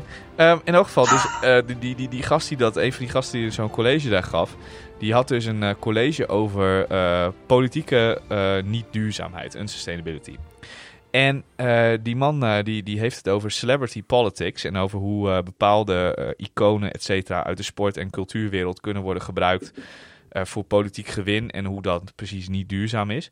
Weet je wat een van zijn voorbeelden was van een politieke verandering? Nou. De Washington Commanders. Oh ja. Van Oh. Washington Redskins naar Washington Commanders. Het kan natuurlijk niet dat het de, de, de politieke hoofdstad van de Verenigde Staten... dat die een racistische eh, naam heeft van een sportteam. Maar daar zit ook wel wat in. Ja. Dat is niet iets waar je het per se mee oneens kan zijn of zo. Nee, maar ik vond het wel een grappig voorbeeld. Ja, ja, Ja. ja. dat is ook wel een goed voorbeeld. eh. ja, nou, dat, dat is leuk. Ja. Ja, ik moet misschien ook weer in de, naar de collegebanken om, eh, om, Ja, om mijn leven dus te een- verrijken dus met een, dit soort een dingen. dia zien in zijn PowerPoint voordat hij het erover had. Toen zag ik al een plaatje van de, een helm van een Washington Redskin. Toen zei ik, dat is niet meer de... zei Daar kom ik zo op. Oh.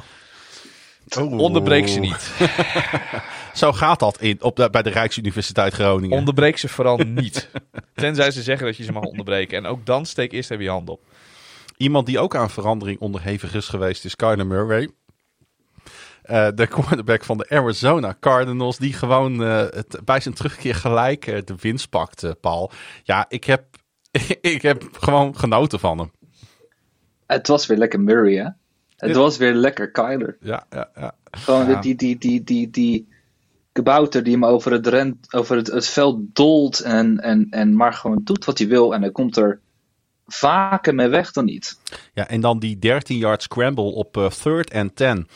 Hè, Ja. Nadat hij verschillende sack eh, attempts ontwijkt, wat gewoon helpt om Arizona in die game-winning drive te houden. Ja. Ja, dat is de Kyler Murray, denk ik, die we willen zien. En ik zag die mensen en ik, ik heb daar dan toch een zwak voor. Ik zie dan die mensen op die tribunes die gewoon een, natuurlijk al die nederlagen al het hele seizoen moeten slikken. Die zich het- helemaal uit hun plaat gaan. Je hebt het hele seizoen zitten wachten totdat Kyler Murray terugkwam. maar, ze, maar ze komen opdagen. Het zat er gewoon zo goed als vol. Ja, Ja. Ik, ik gun dat dan ook gewoon dat publiek vooral. Ik gun het de Cardinals niet, want ik vind dat het een beroerd gerunde organisatie is. Ja. Maar ik gun het wel gewoon die 80.000 man op de tribune.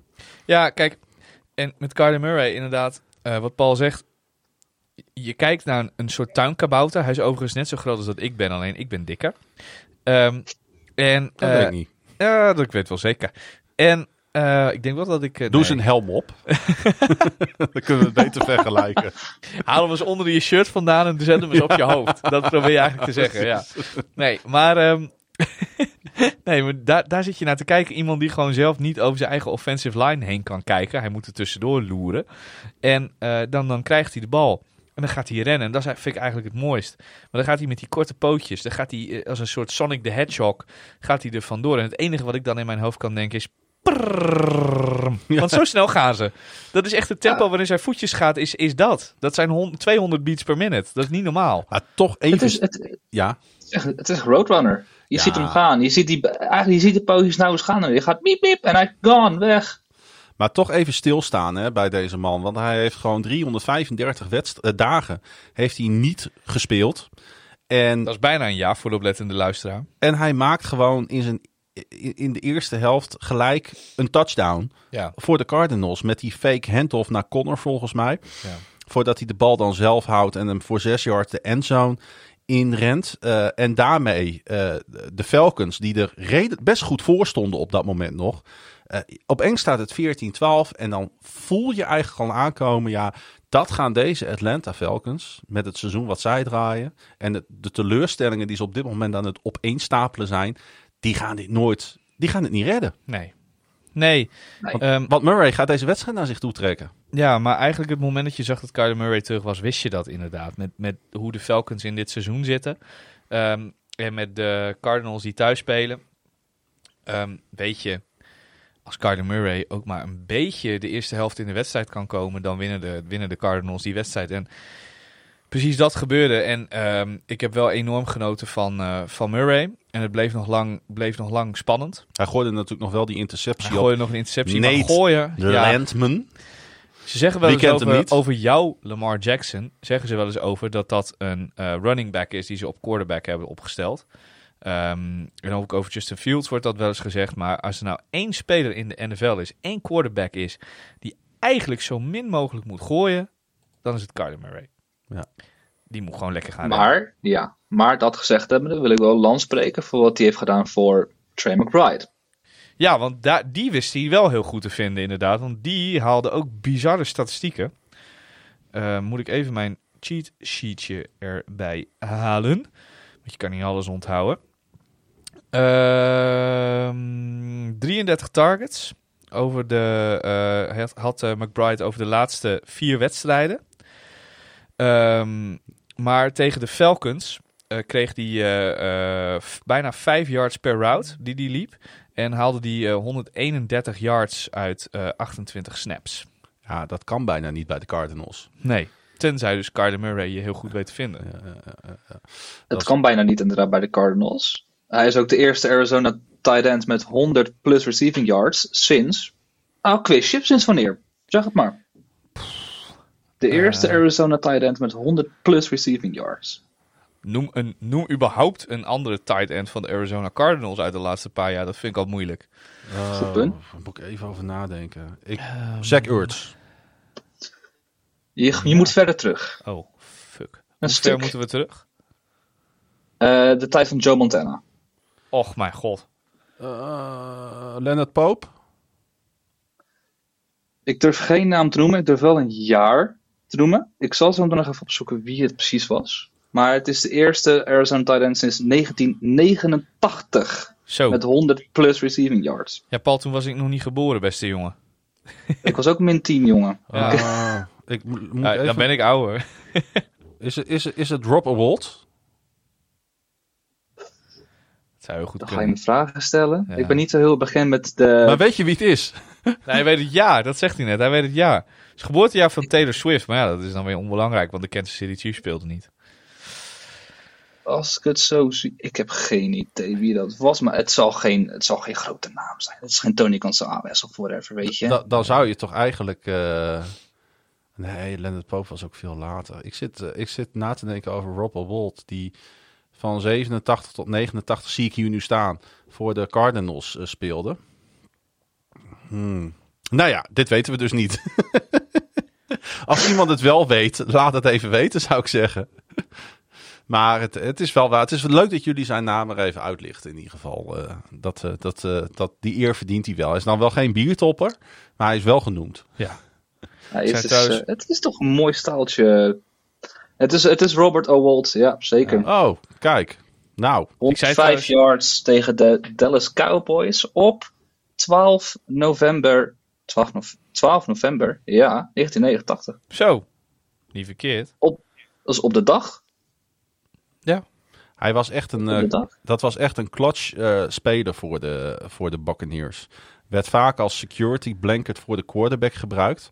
Maar eh, ga maar eens beelden van hem opzoeken. Dat is echt heel tof om, om te zien. Is vast wel ergens op Ja. YouTube terug te vinden. Waar ik trouwens zei, maar 33 targets bedoel ik natuurlijk eh, met 33 targets in de laatste vier wedstrijden, want dat is best wel veel. Eh, maar eh, hij had 9 targets in deze wedstrijd. Oké, oké. Hey, eh, er is eigenlijk maar één grote winnaar natuurlijk aan te wijzen van het afgelopen weekend. Die speelde vorige week donderdag al, maar daar zijn we toch met elkaar over eens, Paul. Dat zijn toch de Chicago Bears? Het is een wedstrijd die ik al bijna vergeten was trouwens, maar ja, we- gelukkig weet jij nog dat hij gespeeld is. Ja, en gelukkig. Die hebben gewoon een, he die hebben jij een hele in toekomst de in keer in de hand scriptie gespeeld. Ja, maar kom op. Eh, ze zien en de Arizona Cardinals dit weekend winnen. Ja. En ze zien de Panthers door eigen toendoen eh verliezen. Want die versloegen ze met 16-13. Ja. Eh, ja, dit, dit, dit, dit weekend, deze speelronde had niet beter kunnen verlopen voor Chicago, hè? Eh, De nee. Bears. En helemaal omdat eh, de Chicago Bears hebben de pick van de Panthers, toch?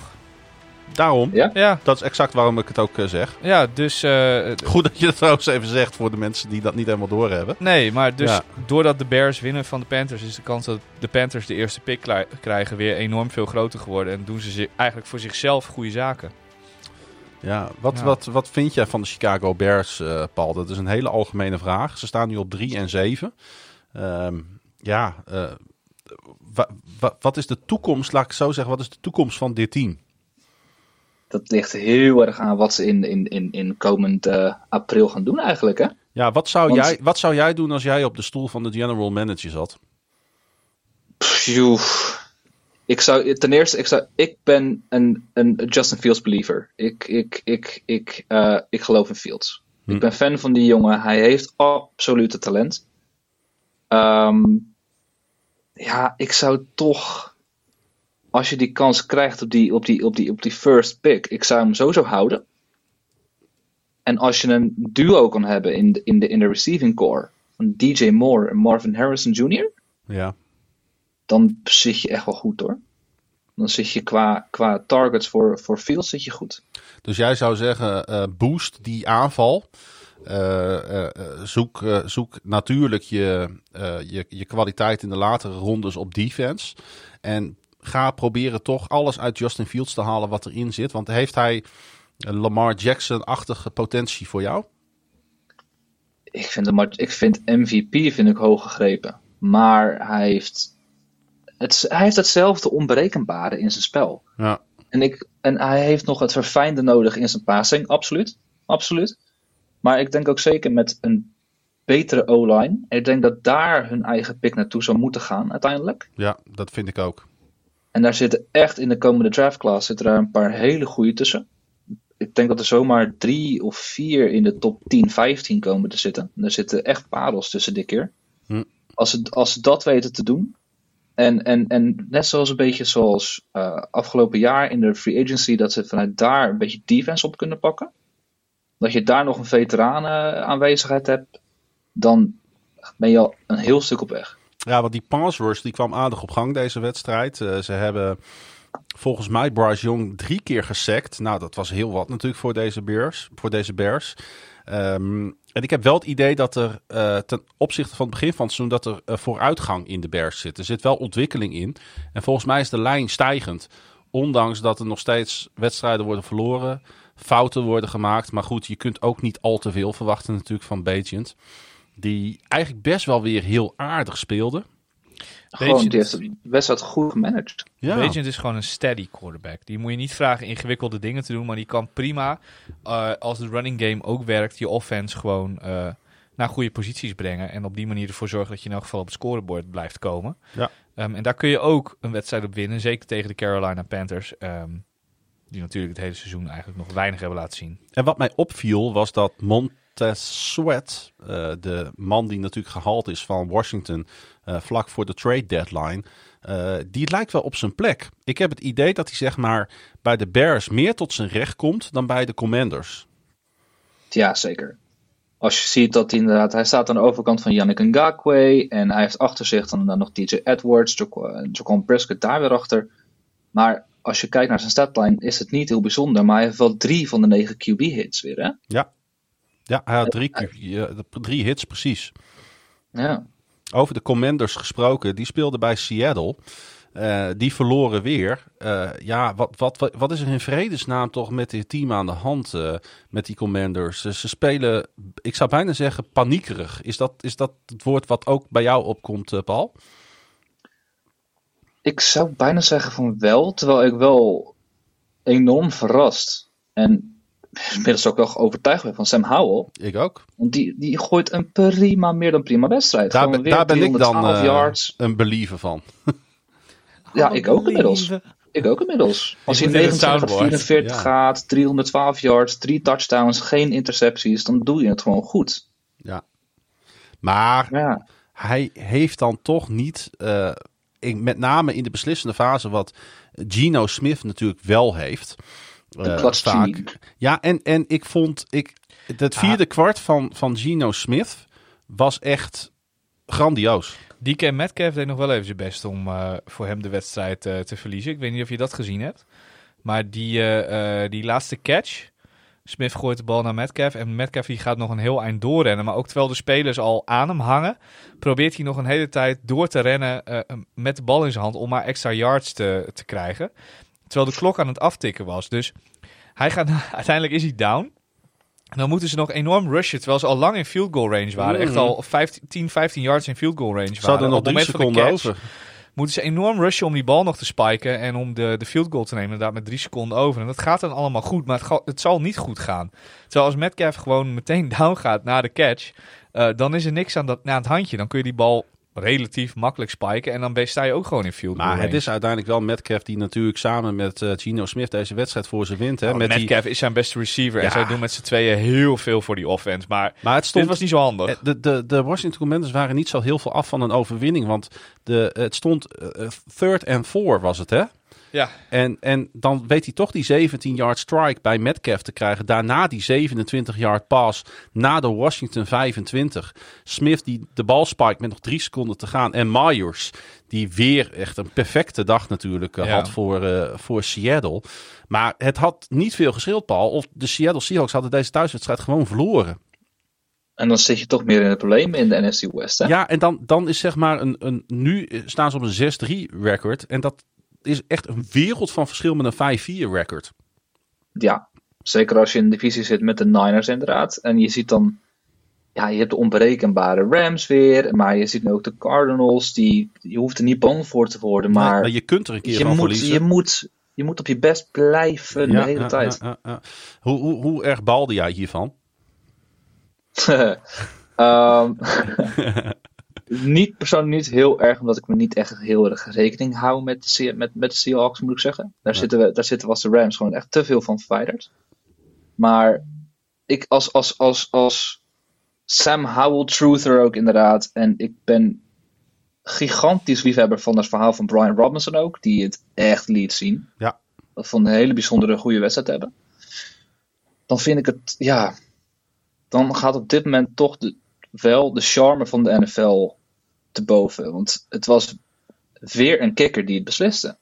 Ja, maar die kikker die komt daar natuurlijk niet zomaar te staan. Want het was natuurlijk uh, ook hier weer. Uh, ja, je hebt wel gelijk, want de, kicking game was, was, was spot on, zeg maar. Maar ook Howell convertte gewoon een fourth down, hè? In de laatste Is- drive van ja. de Washington Commanders uh, met een pass. Ook, die ging ook naar zijn beste receiver, Terry McLaurin. Uh, drie plays later op third and ten uh, dropt Howell een pass over de armen van Jordan Brooks en Devin Witherspoon. In de handen van Brown, die untouched voor de gelijkmaker kan, kan sprinten. Ja, ik heb best wel een hele toffe wedstrijd eigenlijk gezien hier. Er waren veel mooie plays, mooi design, quarterbacks die zich aan konden passen in het moment. Ja, weet je, maar Washington staat natuurlijk precies uh, gespiegeld van Seattle. Die hebben nog geen bye gehad op een 4-6 record. Uh, ja, die moeten nu wel heel hun best gaan doen om nog aan te klampen voor een eventuele wildcard, hè? Als, ik, als je ook ziet wie ze nog hebben. Ze moeten nog. Ze krijgen nog de 49ers op bezoek. Ze krijgen de Cowboys op bezoek. Ze moeten sowieso nog twee keer tegen Dallas. Mm -hmm. Ze krijgen de Dolphins op bezoek. Ze moeten nog naar de JETS Jets Jets Jets. ja, weet je. Succes. Ja. ja, en dat gaan ze niet redden. Even heel. Uh, nee, ja, dit is misschien heel lullig. Een beetje een dooddoende. Maar dat kan toch bijna niet goed gaan, zou je zeggen? Nee. Nee. En als ze dat wel willen, dan moeten ze sowieso de run game beteren. Sowieso de run game verbeteren ten opzichte van zondag. Hmm. 68 yards. Ja. Weet je. Ik hou van Brian Robinson en het is ook een betrouwbare back. Maar als je erachter Antonio Gibson hebt, wat ook. Mag ik inmiddels al zeggen, vergaande glorie is, terwijl de glorie al niet zo. Uh, glorie was, mm. dan heb je hebt gewoon niet heel veel staan. Je hebt niet heel veel staan. Waar ze wel heel veel hebben staan, dat is in San Francisco, bij de 49ers, want we blijven even in de divisie. Oh, wat hebben de Jacksonville Jaguars mij teleurgesteld. Mijn Jacksonville Jaguars. Ik, had ze, ik heb ze helemaal opgehemeld naar deze wedstrijd toe. Maar het is helemaal geen vogel, een Jaguar. En, nou, we, we, nee, dat weet ik wel. Maar i- iedereen, iedereen zei Klaas, doe het nou niet. En ik, nou, iedereen zei, we vertrouwen die Jaguars niet. Ehm, ze hebben het nooit laten zien de laatste jaren, dus nu gaan ze het ook niet laten zien. Ik zeg, let maar op, de 49ers komen naar Jacksonville en die gaan daarop hun kont krijgen. Nou, het was precies andersom, want de 49ers hebben een gigantisch pak slaag aan uh, Jacksonville gegeven. 34-3. Ja, ik, ik, ik, weet niet, uh, ik weet niet wat ik ervan moet zeggen. Anders dan dat ik ook het wel weer heel tof vond om uh, Brock Purdy en de San Francisco 49ers weer eens een hele goede game te zien spelen. Want uh, echt, petje af. Proficiat. Ze hebben de perfecte game gespeeld. Proficiat San Francisco 49ers. The, or the order is restored. You are now back in contention. Ja, drie touchdown passes van uh, Brock Purdy. Moest in het Engels, want ik weet dat Purdy Engels, alleen Engels praat. ja, precies. Purdy, uh, congratulations. Uh, Purdy, drie touchdown passes, inclusief natuurlijk die 66-yarder op George Kittle. En ja, de Niners zijn back in the game, Paul. Dat, ja, ze zijn weer helemaal back. Ze zaten, zaten natuurlijk in die drie game loss streak. Ze waren niet goed bezig. En er waren weer twijfels over Brock Purdy. En is hij het wel? Ja. Hij is het wel. Ja, had hij ook wel heel veel baat bij de terugkeer van Debo Samuel? Of moeten we zijn rol niet overdrijven? Ik denk... Ja, weet je... Als je Debo in je team hebt, dan heb je er sowieso wat aan. Hij, maakt wel, hij maakte wel het verschil. Ja. In, in die zin. Hè? Met hem, zonder hem, uh, zijn deze 49ers gewoon voor mijn gevoel toch een ander team. En Trent Williams terug. Mag ja. ook niet uh, onderschat worden. Natuurlijk. Ja, Best betaalde left tackle in de game. En ja. dat, hij is zo goed. Ja. Hoe kom je dat voorbij? Ja, en uh, ik denk dat daar, uh, ik denk dat het heel goed is dat je het zegt, want daar zit wel een van de sleutels. Hè? Want hij zorgde volgens mij ook voor dat die run game weer op gang kwam. De Niners die gewoon even 144 yards tegen één van de beste run defenses in de league speelde. Uh, 144 yards genoteerd. Uh, defense die Trevor Lawrence vijf keer sackt. En uh, ja, wat mij betreft was Nick Boza de speel daarin van, van dit team. Die overal was, zijn collega's goed neerzet, zijn collega's helpt. Chase Young, die natuurlijk gaat floreren in dit team. Hij had nu alweer een, een sec. Eindelijk weer eens uh, bij zijn nieuwe team. Ja, uh, ik, ik, ik, ik zou bijna willen zeggen, hoe hebben we kunnen twijfelen aan San Francisco? Hoe hebben we zo dom kunnen zijn? hoe heb ik zo dom kunnen zijn? Laat ik het vooral op mezelf betrekken. Uh, Nick Boza die uh, uh, 27 keer uh, een rush plaatste op Trevor Lawrence. Trevor Lawrence. Um, en daarin twee sacks haalde. Um, hij had daarmee, of let op, ik moet even goed mijn eigen cheat sheet lezen. Want je kunt niet alles onthouden, dames en heren. Um, hij had een, naast die twee sacks had hij een hit en een hurry. Um, hij had ook uh, drie, drie wins. Dus dat betekent dat hij zijn, zijn directe verdediger mm -hmm. uh, versloeg en richting de passer kon. Um, daarmee had hij 24,1% pass rush win rate. En een 17,2% pressure rate om deze, op deze dag. Daarmee was hij de beste uh, edge verdediger in de NFL in deze speelronde. Uh, dus dat was niet verkeerd. Maar er zat ook nog een andere leuke statistiek in deze wedstrijd. Namelijk één die niet gebeurde. De 49ers haalden namelijk 34 punten. Ja, ik weet al waar je en heen gaat. Christian McCaffrey ja. haalde over 140 yards from scrimmage. Maar maakte geen touchdown tegen de Jaguars. Um, en daarmee komt er een einde aan een streak van 17 wedstrijden met een touchdown nou, Dat is ook goed ook, want sta hij staat weer eens even met zijn beentjes op de grond. Ja, maar hij staat wel, hij staat wel met zijn kort, korte beentjes ook. Ook hij heeft van die prrr beentjes. Maar um, ja. hij staat daarmee gelijk met uh, uh, een Hall of Famer. Wie? Le Lenny Moore. Heel goed. Keurig. Ja. Um, die heeft namelijk ook 17 wedstrijden achter elkaar een touchdown gescoord. Maar dat was in 63-64. Um, en het was voor de Jacksonville Jaguars was het uh, de, de ergste blowout sinds 2019. Toen ze met 45-10 van de Los Angeles Chargers verloren. Ja, ik, uh, ik denk dat die even hun shit weer bij elkaar moeten rapen. En even te raden moeten gaan wat er allemaal misging. Want um, eh, er waren, kwamen ook van die mics kwamen naar buiten. Dat, dat de 49ers-spelers ook gingen vragen aan de spelers van de Jacksonville Jaguars. Ja, waar zijn jullie eigenlijk mee bezig? En toen kwam als reactie, dat werd ook opgevangen door de uh. Ja, dat weten we zelf ook niet. Dat is wel een goed antwoord als je het ook zelf ook echt niet weet. Want dan kun je best wel heel dom gaan lullen, maar dat heeft helemaal geen zin. Ja, maar de Jacksonville Jaguars staan er met 6-3 natuurlijk uitstekend voor. Ja, ik, ik, moet toch een beetje denken als ik, uh, als ik aan deze wedstrijd uh, zo zie. Aan, aan zeg maar wat de Lions overkwam in, in Baltimore. Uh, wat, wat Seattle overkwam in Baltimore. Ja, dat kan tegen dat soort tegenstanders. kan dat gewoon gebeuren. Uh, dus de Jacksonville Jaguars moeten hier ook niet van schrikken. Ze moeten ervan leren en ze moeten gewoon doorgaan. Want ik ben er nog steeds van overtuigd dat zij het beste team in hun divisie zijn. Oh, denk je dat? Ja. Oh? Jij denkt dat dat de Houston Texans zijn, zeker? Ik denk dat de Houston Texans zijn, inderdaad. Ja, dat is natuurlijk. Ik er wel aan. Dat is natuurlijk een interessante discussie. Uh, we gaan het zo meteen over de Houston Texans hebben. Eerst even heel kort naar Duitsland. Ja. Moet, nou, de, moet dat echt? Trouwens? Ja, naar de Colts en de Patriots. We gaan het er niet al te lang over hebben. We zijn ook al trouwens al veel te lang bezig. Oh ja? Ja. Dus we, we, we, we gaan. Maar uh, stel je dan voor dat jij op, de, op, de, op stap hop nou, een kaartje nou had gekocht voor deze wedstrijd. En ja. dat je een kaartje hebt gekocht voor die wedstrijd die ongeveer vijf keer had kunnen uitverkopen, volgens mij, al, met het aantal belangstellenden. Dus je had een kaartje ergens helemaal in, bovenin dat klote stadion gekocht. En je bent geen fan van de Colts. En je bent geen fan van de Colts en ook niet van de Patriots. Maakt eigenlijk namelijk niet zoveel uit. Gewoon, je bent gewoon een neutrale toeschouwer in dat stadion. Je koopt, je bent een NFL-liefhebber. Je denkt, ik woon redelijk in de buurt. Ik koop een kaartje. Bovenste rij in dat stadion. Je ziet eigenlijk bijna vrijwel niks. Um, in de zin van je kunt het niet echt lekker volgen. Um, het bier is veel te duur. De rijen zijn overal waarschijnlijk lang. Je hebt vreselijk lang op een parkeerplaats moeten staan voordat je kon parkeren. Na de wedstrijd moet je ook godsgeklaagde lang wachten voordat je je eigen auto, je bloody eigen auto, daar weer weg kan rijden. Of dat je met een trein of ander openbaar vervoer ergens heen kan. En dan wordt het 10-6. Ah, je hebt dan wel Jonathan Taylor een touchdown zien binnenrennen.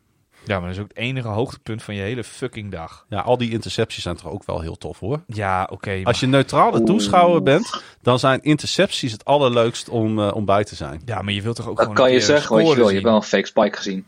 Ook, ook dat. Ook, ook. Ja, maar, het, maar het, viel natu- het viel natuurlijk wel tegen. En toch vind ik het dan, ja, het klinkt gek. Ik vind het toch knap dat dan de Colts het wel doen. En gewoon ook met 5-5 blijven meedoen. Ja. Je mag hem niet verliezen en ze doen het ook niet. En nee. dat is dan zeg maar het enige positieve, denk ik, wat ook de Colts hieruit kunnen halen, hè, Paul? Ja, want het was eigenlijk het was niet het aanzien waard. Uh, ik, ik, heb, ik heb inderdaad die wedstrijd zitten kijken. Ik heb er een artikel over zitten maken. En je zag gewoon tussen uh, het eerste kwart en het vierde kwart gebeurde er niks. Het waren punts, het waren missed field goals, het waren interceptions. Er gebeurde eigenlijk heel weinig. Behalve ja. de echt gewoon een complete in elkaar gestoord kaartenhuis van Bill Belichick. Ja. Het, het, het, er staat gewoon helemaal niks. Je herkent Bill gewoon niet meer terug. Het is niet, uh, het, het, is niet hoe je de Patriots inderdaad onder Belichick kent. En uiteindelijk is dat ook wel weer pijnlijk om naar te kijken op een of andere manier. Het is gênant. Het is gênant. Het is een gênante gênant. vertoning. En die hele wedstrijd was natuurlijk een gênante vertoning. Want het werd nog enigszins spectaculair door intercepties en missed field goals en weet ik veel wat allemaal. Maar dat is uiteindelijk ook allemaal omdat het gewoon slecht was. Het was gewoon tenenkrommend slecht. Dat kan ook leuk zijn om naar te kijken. Maar ik, ja, weet je, ik ga daar niet uh, 450 euro voor betalen. Voor een kaartje. Ja, maar dit gaat hem niet worden met Mac Jones. Het gaat hem ook niet worden uh, met een aantal van hun draft picks. Want ik vind ook niet dat ze heel sterk gedraft hebben, Paul. Um, nee. Uh, het, is alles bij elkaar. Uh, zijn zij het slechtste team in de AFC? En dat is wel een prestatie, hè? Ik heb het heel toevallig hier ook opgeschreven. Want naast, naast head coach is Bill natuurlijk ook de ja, GM. daarom. Hij is de managing actor. En het is, als je, ik heb het op een rijtje gezet. Zijn, zijn draft uit 2022. Daar heb je één starter in zitten. Dat is Cole Strange, de right guard hm. van Tallahassee wil ik zeggen. Dan heb je Taquan Thornton in de tweede ronde. Die is drie receptions voor 15 yards in 2023. Je hebt Marcus Jones, quarterback, injured reserve. Je hebt Jack Jones, die is vandaag ja, gekat. Die is weg en klaar. De verkeerde Jones, uh, zeiden heel veel mensen al. hebben ze weggestuurd. Je hebt Pierre Strong, die is weg. Die is weggetrade. Je hebt Bailey Zappi, die is eerst ook gekat. Die is nu terug. En hoe is hij terug? Ja. Ja. Hij, mocht even, hij niet, mocht eh, even spelen, want Jones is zelfs nog gebenched hè, deze wedstrijd. Alweer. Ja, heb je die, die beelden gezien van die, die, die eh, eh, offensive coordinator of quarterback coach, hoe je het ook wil noemen, in elk geval die man die Zo. naast hem gaat zitten, die hem werkelijk waar helemaal verrot scheldt. Ja, maar Bill zelf ook, hè? Ja, maar echt, dat was niet normaal. Ja, Hey, ik denk niet dat die jongen heel veel zelfvertrouwen had voordat hij deze wedstrijd begon. Ik denk dat hij met een zelfvertrouwen onder het vriespunt inmiddels eh, weer terug in het vliegtuig naar Amerika zit. ja, terwijl hij echt niet de hoofdschuldige is van dit probleem. Nee joh. Want, want het is. Want, en daarom. Ik vind, dat vond ik. Nou, als we dan toch het woord gênant eh, gebruiken. Ik vind dat heel gênant om te zien. Ik vind dat Ja. altijd. Weet je, wij, hebben, wij kijken veel basketbal, eh Yannick en ik. En dan heb ik het in dit geval even over het Nederlandse basketbal. En dan zie je Ja. ook wel eens dat teams in Martini Plaza komen. Teams die eigenlijk ook wat minder zijn dan, dan Donar. Ja, en dan, dan, dan wordt er een jeugdspeler voor drie, vier minuten ingezet. Dan maakt hij twee fouten. En dan wordt hij naar de kant geroepen. En dan zijn er coaches af en toe die zo'n jongen echt helemaal de grond inboren. Ten overstaan van, van iedereen. Hè? Ander onderwerp, maar zelfs de coach van, het, coach van de beste, het beste team in de Nederlands-Belgische competitie doet dat natuurlijk. Hè? Dario, Ja, bij Oostende. Dario Gerja van Oostende. Ja. Ja, en, en, en ja, ik, ik, vind dat, eh, ik vind dat eigenlijk gewoon niet oké. En, dan Nee. en, en dat is voor mij dus juist niet wat topsport is. Je mag best wel een keer eh, echt boos zijn en je mag ook wel openlijk boos op iemand zijn. Maar dit was gewoon, dit was kleinerend. Vooral door de houding die Jones aannam. Die Ja. zat voorover gebogen, duidelijk eh, eh, ook niet tevreden met zichzelf eh, daar op dat bankje. niet. En die liet gewoon een hele stortvloed aan, aan, aan, aan scheldwoorden en, en, en beledigingen over zich heen komen. Ehm, en, Maar dat zegt wel wat natuurlijk over de sfeer bij dit team, Paul. Ja. Want dit Ja. komt natuurlijk eh, niet meer goed en dat is, een, dat is een open deur. Maar ik bedoel dat eigenlijk nog wel wat, wat, wat verstrekkender. Dit komt ook na dit seizoen niet goed als de Patriots volgens mij niet grote wijzigingen gaan doorvoeren in hun organisatie. Dus jij wil zeggen dat dit het einde wordt van Bill Belichick? Ja, natuurlijk. Deze man die, die moet je met alle egaars, de laatste thuiswedstrijd van het seizoen, moet je op een podium zetten. Die moet je een standbeeld geven. Die moet je onmiddellijk volgend jaar opnemen in de Ring of Honor. En dan moet je gewoon nu gaan doorselecteren. Want, eh, eh, sorry, het, het tijdperk is gewoon voorbij. Het is klaar. Het is Af. klaar. En, en dat is helemaal geen schande. Dat dit seizoen ertussen zit, zelfs dat is geen schande. Want Ja. dit, dit is gewoon een, een, een uitwas van wat zich hiervoor heeft afgespeeld. Eigenlijk is het volkomen logisch. En, eh, maar dan moet je nu wel daarop gaan acteren. Ja, en ik, ik, ik hoop dat de Patriots dat, dat gewoon durven. Want ik denk ook dat de divisie waar de Patriots in zitten... eh, een- een leukere divisie wordt als de Patriots niet weer een nieuwe heerschappij worden, maar wel gewoon een mondje gaan meespreken. Ja. Anders kan je ervan, anders kan je ervan uitgaan dat eh, Miami ermee uiteindelijk voor nu ermee vandoor gaat. Ja, ja al wil ik de Bills nog niet eh, helemaal uitschaven. Maar daar komen we natuurlijk zo meteen nog. We gaan eerst naar het eh, team van de week van eh Yannick.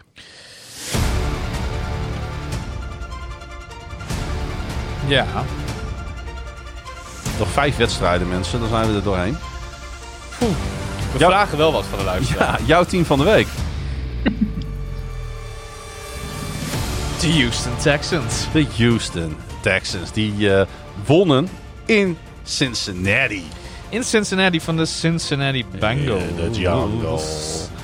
Eh, eh, Oh, er zijn heel veel rare geluidjes achter elkaar. Maar natuurlijk, eh, ik had namelijk ook voor een andere beatopper van de week kunnen gaan. Want CJ Stroud, dames en heren. Ja, wij hebben hem in het echt gezien. Ja. Toen was hij, toen was hij heel goed. Maar CJ Stroud is, is, is van zo'n bizar niveau af en toe dit seizoen. Voor een rookie, hè? Voor een rookie vooral.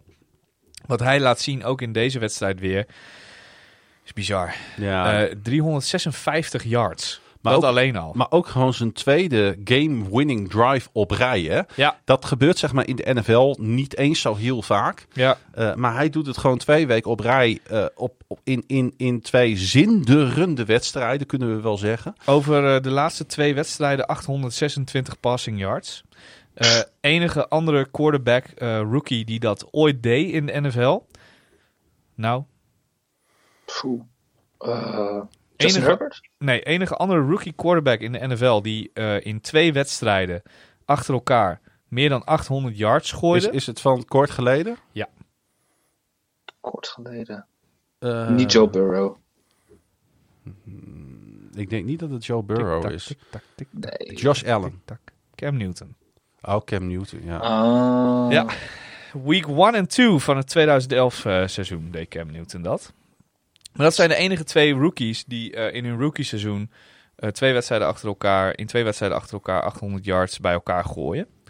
Eh, maar wat CJ Stroud dit seizoen laat zien, daar kunnen we het denk ik algemeen over eens zijn dat dat van een bizar niveau is. Vooral als je het even meerekent waar de Texans vorig jaar vandaan kwamen. De voormalig fuck Ohio State quarterback, hè?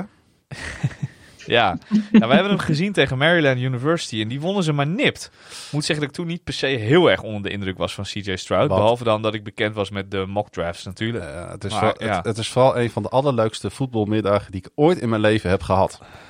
Ik, ik, ik, ik weet niet of jij een Weet beetje... jij er nog veel van? Ja, ja. Nou, Oké. het begon natuurlijk al heel vroeg met, met boodschappen doen bij eh, de Target. Ja, Eh, ijs kopen, bier kopen, eh, in ons gehuurde busje naar onze tailgate parkeerplaats. ja. Daar is geen busje, maar een MPV. Om even uit de auto-nerd uit te hangen. MPV. Een multiple person vehicle. Ja, en daar hebben wij uiteindelijk in, in dat majestueuze stadion van Maryland, wat als het een beetje vol zit, een geweldig ding is. Ehm, als het eh, een beetje leeg is, iets minder leuk ding is. Ja, maar ja, weet je... het- Maar het zat vol, want Ohio State is famous for traveling. ja, en, en we hebben nog bijna ruzie gehad met fans We van hebben Ohio bijna State. ruzie gehad. Jij wilde nog mensen van de tribune afgooien, letterlijk. Het is, Eh, we zijn net niet in, Job Hop, in John Hopkins zeg maar, beland. eh. Ja, maar vooral daarvoor heb ik op een, een tailgate gestaan met natuurlijk jou en een heleboel andere leden van de Dutch Ravens vlog, Frankie Metsenmakers onder andere. Eh, eh, maar maar, maar dat, het is een van de meest onvergetelijke middagen uit mijn leven, omdat het een college football experience was, zoals een college football experience bedoeld is.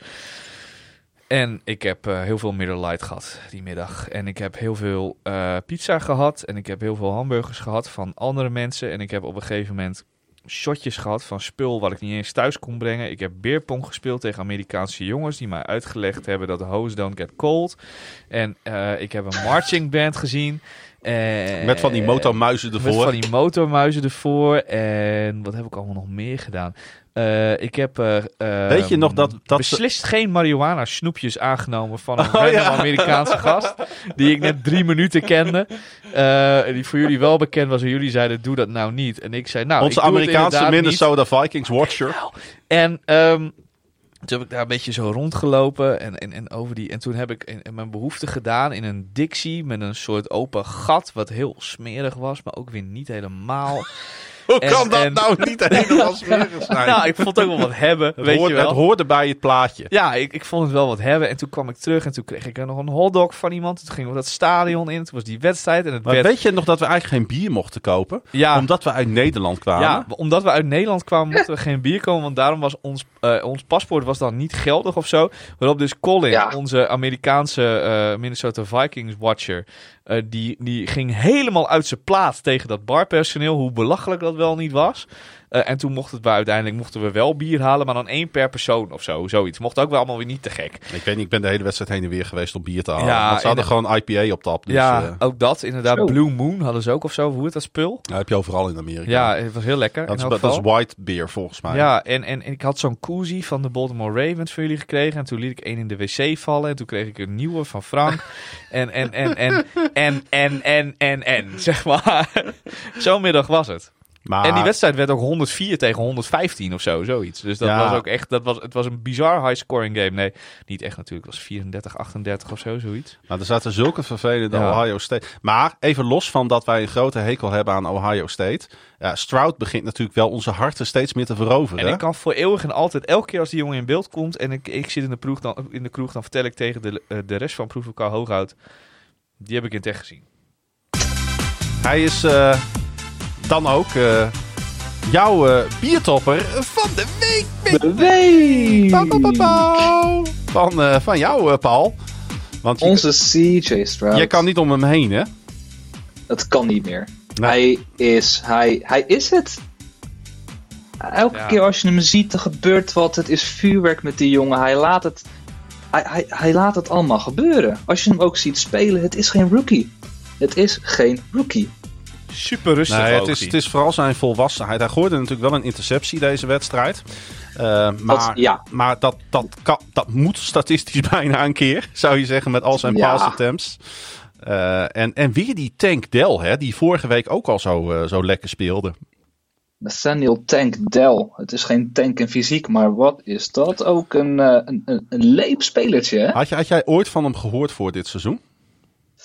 Hij, is, hij komt van de University of Houston. Ja. En eh, daarmee komt hij natuurlijk uit de buurt. Ja, Ik derde heb ook pick. gezien, dat, dat hebben de Texans op Twitter gedeeld, of eh, X, hoe je het ook wil noemen tegenwoordig. Hij heeft ze in december vorig jaar, wil ik zeggen, heeft hij ze een DM gestuurd op Instagram. Laat mij thuis blijven. Hmm. Nou, zo gezegd, zo gedaan. Hij komt natuurlijk bij de Texans en wat laat hij zien? Nou, toch een, eh je mocht zeggen, een aardige chemie met onze CJ. Ja, ja hij, hij, eh, natuurlijk is dat niet helemaal, die chemie is er, maar dat is natuurlijk ook omdat Stroud, ehm, hij heeft precies het gevoel waar hij die ballen moet neerleggen. Hij heeft die count, die normaal. count in zijn hoofd, als je begrijpt wat ik daarmee bedoel, Ja. die is Ja. spot on. Hij, ik, ik, heb, ik heb film van hem zitten bekijken van, van, van dit weekend. Want ik, ik moest gewoon even zien waar, waar haalt hij het vandaan? Waar, Ja. haalt hij, waar komt deze magie bij hem vandaan? En je ziet bij de uiteindelijk afgekeurde touchdown pass naar Robert Woods. Mhm. Wat enorm zonde is dat die is afgekeurd. En ook een beetje discutabel. Maar illegal touching, je mag, vinden, je mag vinden wat je wil. Maar je ziet hem in die RPO. Zie je hem, nou, ten eerste de RPO perfect uitgevoerd. Dat is al voor een rookie aardig. Ehm, je ziet hem die reads maken. Je hebt, hij heeft die pocket presence en die pocket awareness. Hij ziet dat de twee rushers van rechts komen. Trekt naar achter, trekt, me- trekt verder naar rechts. Ziet 1, 2, 3, 4, 5 reads. En de ene read die hij maakt, die hij kan maken, die hij moet maken, is die naar Robert Woods, die nog niet eens in beeld is. Hij gooit een dot on the move, in motion, met, met rushers om hem heen. Perfect op maat. Hm. Dit, is, dit is een rookie die het negen weken doet. Ja, ja dat, dat klopt helemaal. En ehm, wat natuurlijk ook hielp, is dat die run game deze wedstrijd liep met eh, Singletary. Die volgens mij 150 yards pakte. Ja. Ehm, 30 carries. ja, dat, dat, dat had hij natuurlijk. eh, Dat hadden ze natuurlijk in die vorige wedstrijd hadden ze dat nog niet. Dat die run game zo goed liep. En eh, eerder in het seizoen was hij eigenlijk non-existence. Eh, ja, als die run game ook nog gaat lopen bij dit team. Ja, dan kun je dus on the road van. We moeten niet doen alsof de Bengals er slecht in zaten de afgelopen weken. Hè? Dan kun je gewoon van ze winnen. ja. Dit, Ja. dit is een van de meest indrukwekkende overwinningen van het seizoen, of niet? Maar je dacht überhaupt. vooral dat de Bengals, dacht je vooral van, die, die, die zitten er nu eindelijk eens lekker in. Ja. Weet je wel, dat, dat, gaat nu, dat gaat nu wat worden. En je ziet ook die, op een gegeven moment die Burrow-Jamar Chase-connectie ook in deze wedstrijd weer. Ja, Met die, die enorme passing play natuurlijk. die 64 yarder, ja. Ja, Oeh. precies. Maar, maar, en dan toch winnen die Texans hem. Ja, maar omdat ook, die maar dat- ja. dat zie je natuurlijk ook bij, bij de Ravens, waar we het zo nog even over gaan hebben. Als je een aantal wedstrijden op rij wint in de NFL, eh, en daarom hebben we zoveel respect, denk ik, met elkaar ook voor de Philadelphia Eagles. Je merkt gewoon hoe moeilijk het is om dan ook die vierde en die vijfde pot te winnen. Je hebt het ook bij de 49ers gezien. Die winnen de vijf op rij en vervolgens verliezen ze de drie op rij. Dit, dit, dit zit gewoon zo opgesloten in de NFL. Het is bijna onmogelijk om een reeks van, laten we zeggen, vijf, zes, zeven wedstrijden op rij. Consistent, vier kwarten lang, zo goed te spelen dat je ze allemaal wint. Dat Ja. is bijna onmogelijk. En ik denk dus nog steeds dat die Bengals misschien wel niet de real deal zijn. En die Texans dus wel. Dat denk ik. Maar ik, Zo. ik, ik wil niet er eigenlijk aan de overwinning van de Texans koppelen dat de Bengals daarom niet de real deal zijn. Dat vind ik. Dat Ja, maar is de voor mij geen één op De één. Bengals hebben een moeilijke divisie met Ravens, Steelers, Browns. Dat Ja, moeten we even lastig, ja. Dat is lastig. Dus dat, dat moet je ze meegeven. Het is bijna niet te doen om die divisie te winnen. Zeker dit jaar niet met een goede, maar wat instabiele Ravens. Een goede Steelers, vooral op defense. Een onvoorspelbare Browns. En dan heb je de Bengals, zeg maar. Dat is een beetje hoe, hoe het werkt. Maar die Texans, die zitten natuurlijk in helemaal niet zo'n hele goede divisie. Maar als je kijkt hoe dit, dit seizoen staan te spelen. Ik denk echt dat zij de divisie gaan winnen. Zij zijn beter dan de Jaguars. Dat zijn ze echt. Dat denk ik serieus. En waar het dan in de playoffs uiteindelijk strandt, ehm, dat weet ik niet. Maar ik denk echt dat de Texans hun divisie gaan winnen. Ja, het zou, maar gebeuren hoor. het, zou, het zou natuurlijk kunnen. We kunnen eh, je kunt helemaal niets uitsluiten in deze sport. Laat ik daarmee beginnen. Ehm, Ehm, ja, ik, ik, ik weet niet. Hebben we het programma van de Texans erbij? Eh, dat is natuurlijk in één klik geregeld, normaal Die ga ik er even bij pakken, want dat is natuurlijk wel interessant. Hm? Texas schedule. Want zij, ik heb hem hier. Zij gaan eh, nu Ze spelen tegen de Ze Jaguars. spelen toch? tegen de Jaguars aan het eind van deze maand, 26 november. Ja, eh, dat, eh, en, en dat is natuurlijk logisch, maar Dat is hem. Dat is hem. dat wordt natuurlijk wel een potje. Het is eh, Cardinals, Jaguars, Broncos, Browns, eh, Nee. Titans. Jets, Titans, Browns, nog een keer Tennessee en Colts. Heb ik Ja, dat zo verkeerd? Zit ik zo hun- verkeerd kijken? Ja. Hun, pro- verkeerd. hun programma is natuurlijk ook vriendelijk. En dat komt natuurlijk mede door de divisie waarin ze spelen. Maar ook Ja. buiten de divisie. Ja, als je kijkt naar wat zij al gehad hebben. Hè, zij hebben Baltimore al gehad. Ze hebben Pittsburgh al gehad. Ja. Ehm, zij En hebben New Orleans al gehad. Er zit sowieso twee keer, er zit eh, een keer Titans in, die gaan ze winnen. Ze gaan, eh, twee keer de Titans zit erin. Titans gaan ze twee keer winnen. Eh, Jacksonville gaan ze winnen. Broncos gaan ze ook winnen. Nou, Jets. Jets gaan ze, Jets doe ik geen uitspraak over. Eh, Cardinals gaan ze winnen. Cardinals gaan ze, ja, Cardinals gaan ze winnen. De enige waar ik over twijfel is eh, de Browns. Ja, en ik, Voor de rest, nu op papier zeg ik dat ze de rest van de wedstrijden gaan winnen. en ik twijfel ook over de Colts. At de Colts, laatste wedstrijd. Ja, omdat dat- het division game is Ja. bij de Colts. Week, ja. week, eh, week 18. Kan voor de Colts nog wel eens heel erg goed ergens over gaan natuurlijk. Maar je hebt wel gelijk. Zij staan, een, zij staan op een winning record. En als je dan kijkt naar het programma wat ze hebben, dan kunnen ze dat eigenlijk alleen maar uitbouwen. Ja. En, en die, de Jacksonville Jaguars zijn, die hebben Trevor Lawrence, tuurlijk. En Jacksonville is absoluut geen, geen, geen slecht team. Maar ik denk gewoon dat die Texans echt veel meer in huis hebben dan de Jaguars over de long run Hm. uiteindelijk. En, en het programma wat de Texans nu nog krijgen is gewoon gunstig. Dus ik denk echt dat die die divisie gaan winnen. Oké. De Bengals daarentegen, die hebben gewoon pech met hun eigen divisie. En eh, de Joe Burrow, Chase, Jamar Chase connectie is absoluut aanwezig en niet te ontkennen. En draait ook weer lekker. Bewijst ook deze wedstrijd wel door die, die enorme play over 64 yards die ze hadden. Ehm, maar ze troffen gewoon de Texans op eh, een hele, hele, hele goede dag. En hebben geen misselijk programma. Nee. Ehm, het team van de week van jou, Paul, eh, zijn we bij aanbeland. En dan moeten, we het, dan moeten we het er toch over hebben. Ik heb het lang kunnen uitstellen. Maar eh, ja, eh, vertel het me maar. Wie is jouw team van de week? De Cleveland Football Nou, Browns. waarom in vredesnaam? Ja, je kan me een 15-point comeback geven in, in een kwart. En je bent wat mij betreft tegen de Ravens een hele grote. Ja, ja. Een grote. Ja, Proeflokaal Ja, ja, Hooghout ging uit zijn dak. maar compleet uit zijn dak. Toen de Cleveland Browns de winnende field goal tegen de Ravens, de choking Ravens, kunnen we wel een beetje zeggen, erin schoten. Ehm, en dat kwam omdat ik eh, de dames en heren achter de bar en om mij heen verteld had dat als de Browns die field goal zouden maken, dan was ik 270 euro rijker. En dat gebeurde, want toen had ik de complete early window goed voorspeld. Met een inleg van 5 euro. Ja, Eh, we- maken geen reclame voor gokken, hè? Nee, maar eh, als je goktips wil, eh, mag je me altijd appen. Al is die gokmarkt zeg maar ook wel belangrijk voor het salaris wat ik dan weer krijg. Dus eh, Ja. laten we daar vooral En niet al te ethisch over doen. geldt dat net zo. En Oh, eh ja. by the way, eh, ook nog even de disclaimer die ik de vorige keer er ook bij gooide. Gokken levert je absoluut geen gegarandeerd geld op. Gokken, sterker nog, kost je vaak heel veel geld. Spreek, voor zelf met jezelf, spreek vooral met jezelf een limiet af en zet de winst niet opnieuw in, maar stort het op je eigen rekening. De Ravens begonnen natuurlijk nog wel redelijk aan deze wedstrijd. Wat heet ze? Nou. eh, ze, ze starten natuurlijk behoorlijk. eh, eh, eh, nou ja, wat was het? 17-3 kwamen ze voor na het eerste Ja. kwart. Ja. Ja, nou, ze stonden na vijf minuten al 14-0 voor. Ja eh, maar eh, ze lieten het de rest van de middag eigenlijk gewoon niet zien. Het was een beetje. De scores van de Ravens die zaten een beetje van toevalligheid aan elkaar. En de Browns die vochten zich steeds meer in deze wedstrijd. En het eh, kondigde zich natuurlijk op een gegeven moment al een beetje aan. Hè? Als, je, als je gewoon puur keek zeg maar, naar de aanvalspatronen en de manier waarop Watson het veld overstak. En de manier waarop de Ravens aan hun punten kwamen.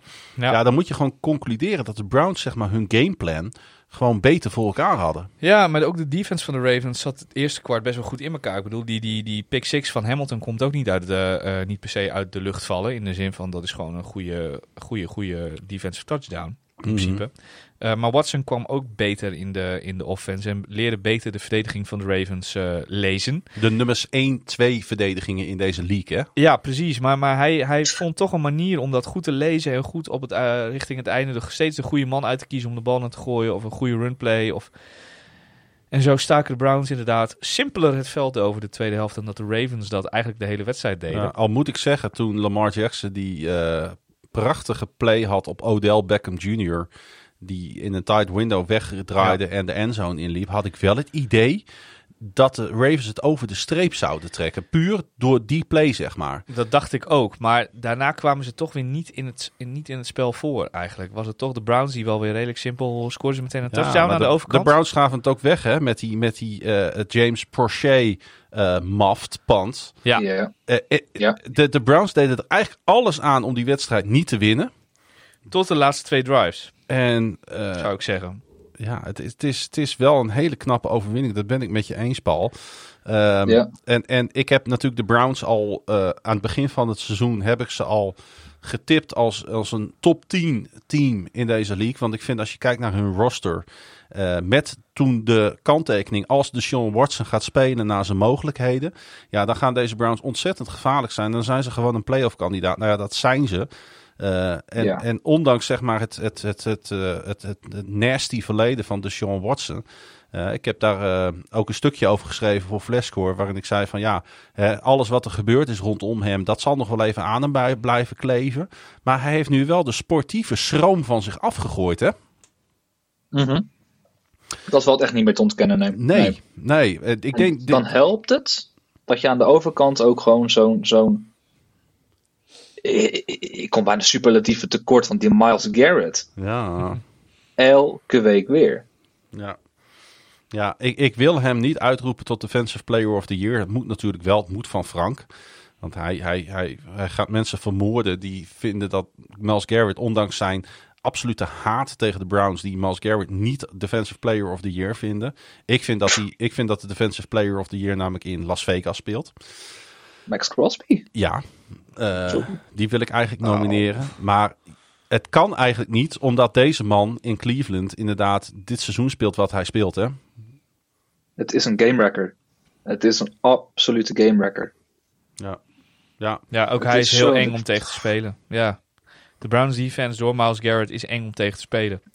Ehm, je weet dat Miles Garrett eh, je quarterback eh, overhoop gaat lopen. En eh, wat je er ook aan wil doen, hij gaat het doen. Punt. Ja. Die run, ik wil ook even de run game van Baltimore nog even aanhalen. ja, ik ook. Ik weet al wat je Die gaat zeggen. niet. Nee, waarom, waarom kreeg Keaton eh, Mitchell eh, na zijn eh, afgelopen weekend geen, geen plays? Drie carries. Onbegrijpelijk Drie. toch? Want, en zijn statistieken staan dan daarbij ook nog bizar. Hij heeft drie carries voor, jawel, 34 yards. Maar een long van 39. Dat betekent dat hij in de twee carries die hij had, min 5 had. Ja, Dat, dat is...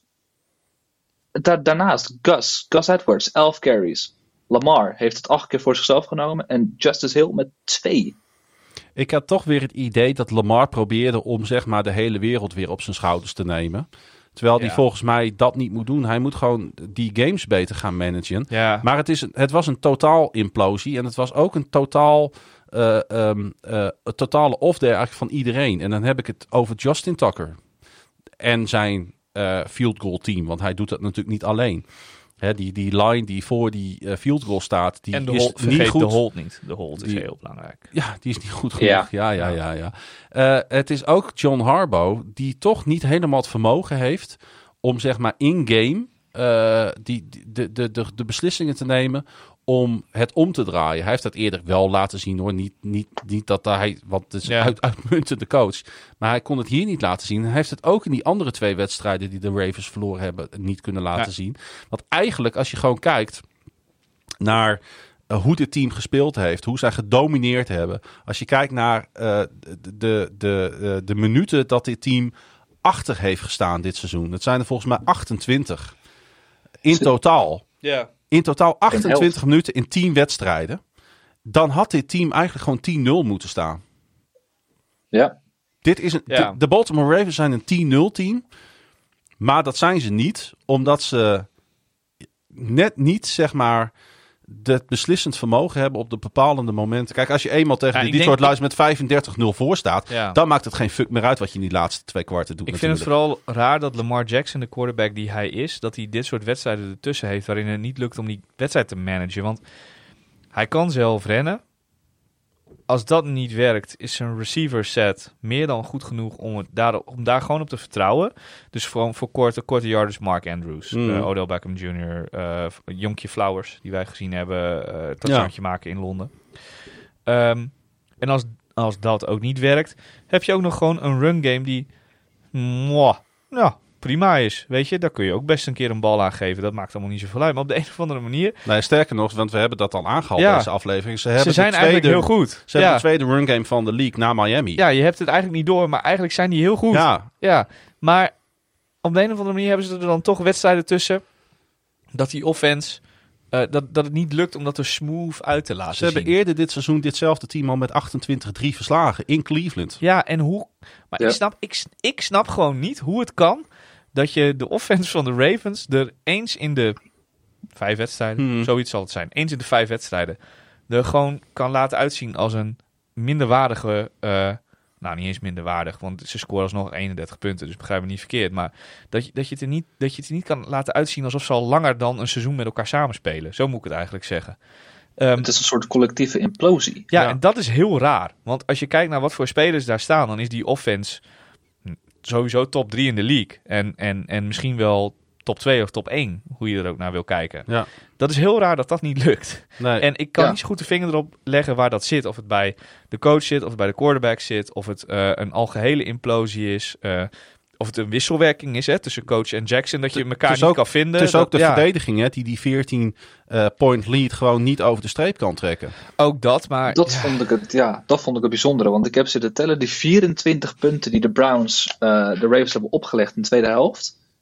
Ze, de, de, de Ravens hebben geen wedstrijd gehad dit jaar. Waarin ze Mhm. meer dan 24 punten in een hele wedstrijd tegenkregen. Ja, dat klopt.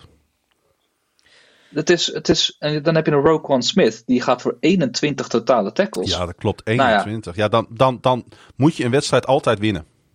Dan moet je een wedstrijd winnen. En dat, nou, Nee. En ook de defense van de Ravens. Gaan we weer. Maar is ook niet echt een knaken defense. Qua spelers die er staan. Dus dat, ja. Is ook Ja. gewoon minstens, Nou ja, minstens top 10 Weet in je, de, de conclusie is gewoon dat, er, dat de Ravens terug naar de tekentafel moeten om uit te vinden hoe het kan. Dat ze. Kijk, die, te- die, die, die los tegen de Steelers, die was, eh, die, die was op konto van de receivers. Ja, je moet Ja. gewoon niet de bal Ja. laten vallen. Punt. die ballen niet laten vangen. Die wedstrijd tegen de Colts, die heb je er een keer bij. In de stromende regen. Ja. In, in, in bizar slecht weer. En je mag altijd een keer verliezen. Ook van een Dat, bananenschilteam. dat doen de Chiefs ook één keer per ja, seizoen. dat mag. De, de, Ja. de, de, en de Colts was dit keer was die bananenschil van de Ja. Ravens. Ja. Eh, alleen deze tegen een divisiegenoot.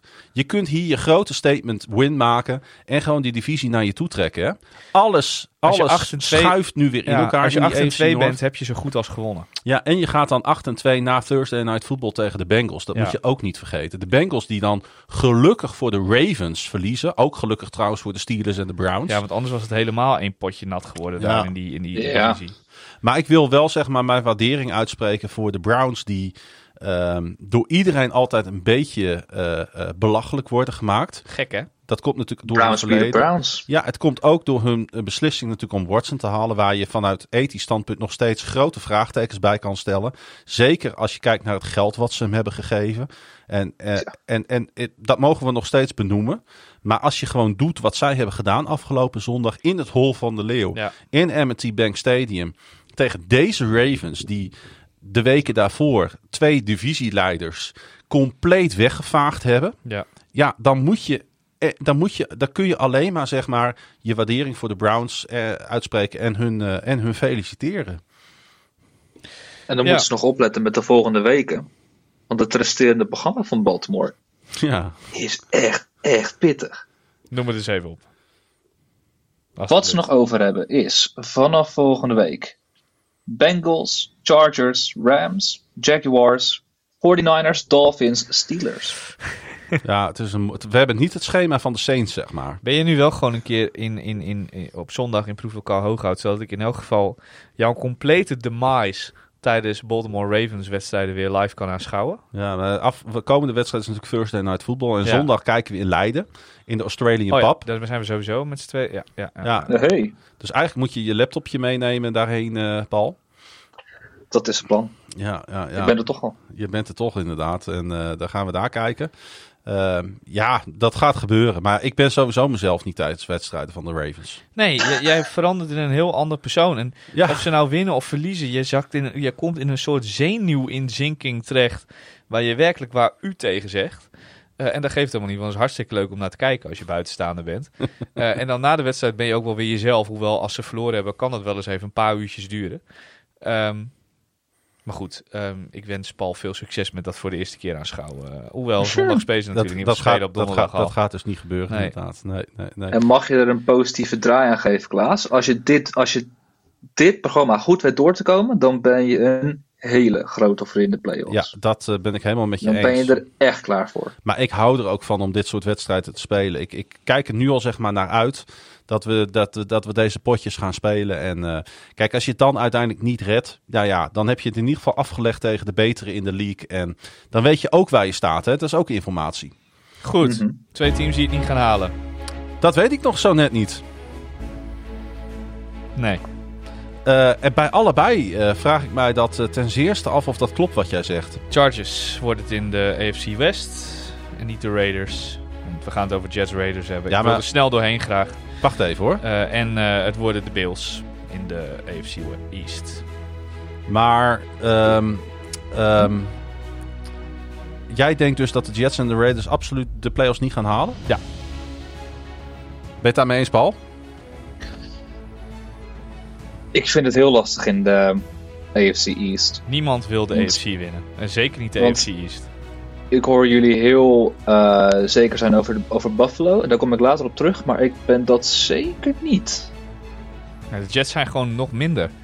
De Jets zijn gewoon Ja. nog, nog onvoorspelbaarder in de zin van... eh, dat, ja... Oké, het is heel leuk dat Zach Wilson is prima. Maar ik heb eh, eerder vanavond ook al tegen Klaas gezegd... Zach Wilson is leuk tot de laatste 20 yards van het veld. Yep. En, en dan verandert er iets in zijn hoofd... waardoor hij ineens niet meer kan quarterbacken. En dan... Eigenlijk moet je hopen dat als, als Aaron Rodgers een klein beetje op twee benen kan staan, überhaupt.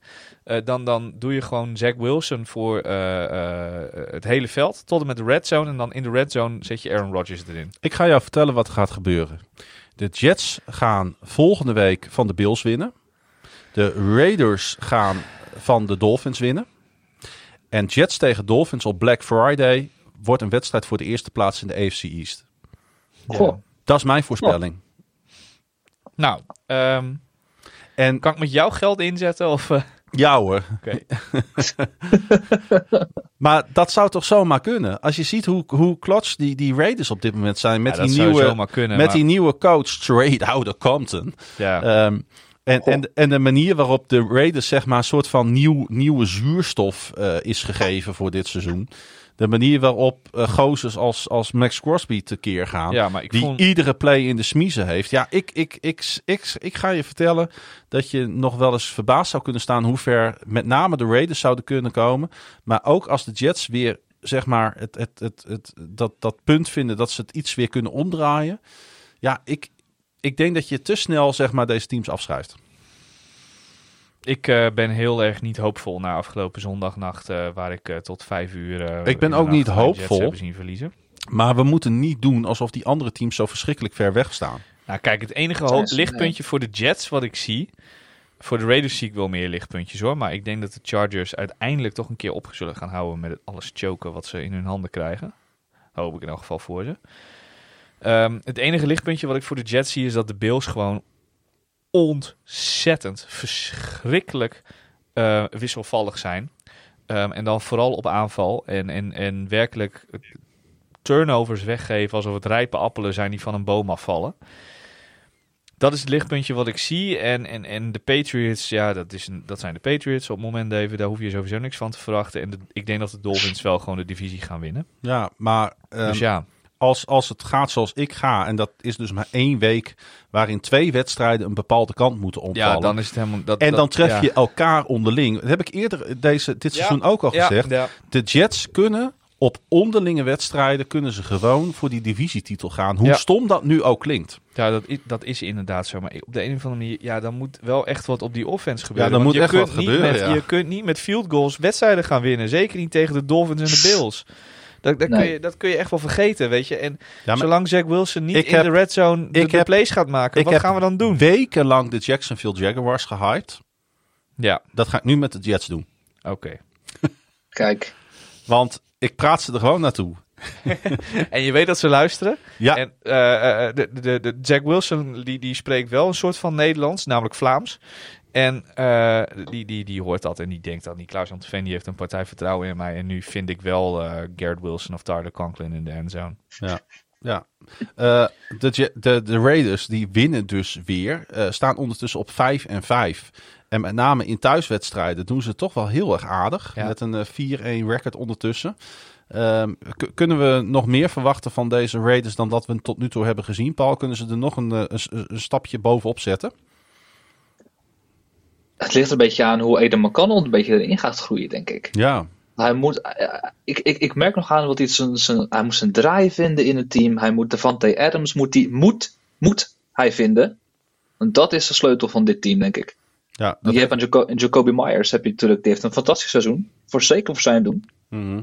Maar als je succes wilt boeken, dan moet je als Eden McConnell zijn, de A groeien in team, B echt Devante Adams opzoeken.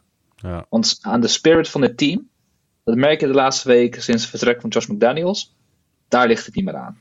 Nee, want, want Adams die heeft zeg maar nu wel weer een nieuw podium gekregen van deze coach. Eh, Ja. hij, hij werd ook gewoon zes keer gevonden hè, voor 86 yards. Eh, ja, dat zijn, Eindelijk een keer. dat zijn geen gigantische cijfers. Maar als je kijkt naar wat hij tot nu toe heeft neergezet, die, die, die Adams. Ja, dan denk ik dat hij super tevreden is eh, met, met hoe het nu gaat. En, dat, en dat zag je ook aan hem, hè, aan, aan zijn lichaamstaal. Ja. De manier waarop Oh, hij ja. reageerde op de plays, reageerde op de touchdown die gegooid werd op Michael Meyer. De enige touchdown van de wedstrijd ook. En Ja. ja, ja ik, ik, eh, ik, ik, s- ik, ik snap ook wel dat de Las Vegas Raiders geen Super Bowl kandidaat zijn. Hè? Dat, we moeten hier ook geen dingen gaan zeggen die gewoon absoluut niet te staven zijn. Maar ik, ik hou wel van teams die zeg maar het seizoen kleur geven. Die de NFL kleur geven, die Red Zone kleur geven. Ja, en dan zijn dat wel deze Las Vegas Raiders die ik wil zien. Ja, nee, absoluut. Ook in de divisie waarin ze zitten, want ze krijgen nog leuke wedstrijden, ook eh, voor de boeg.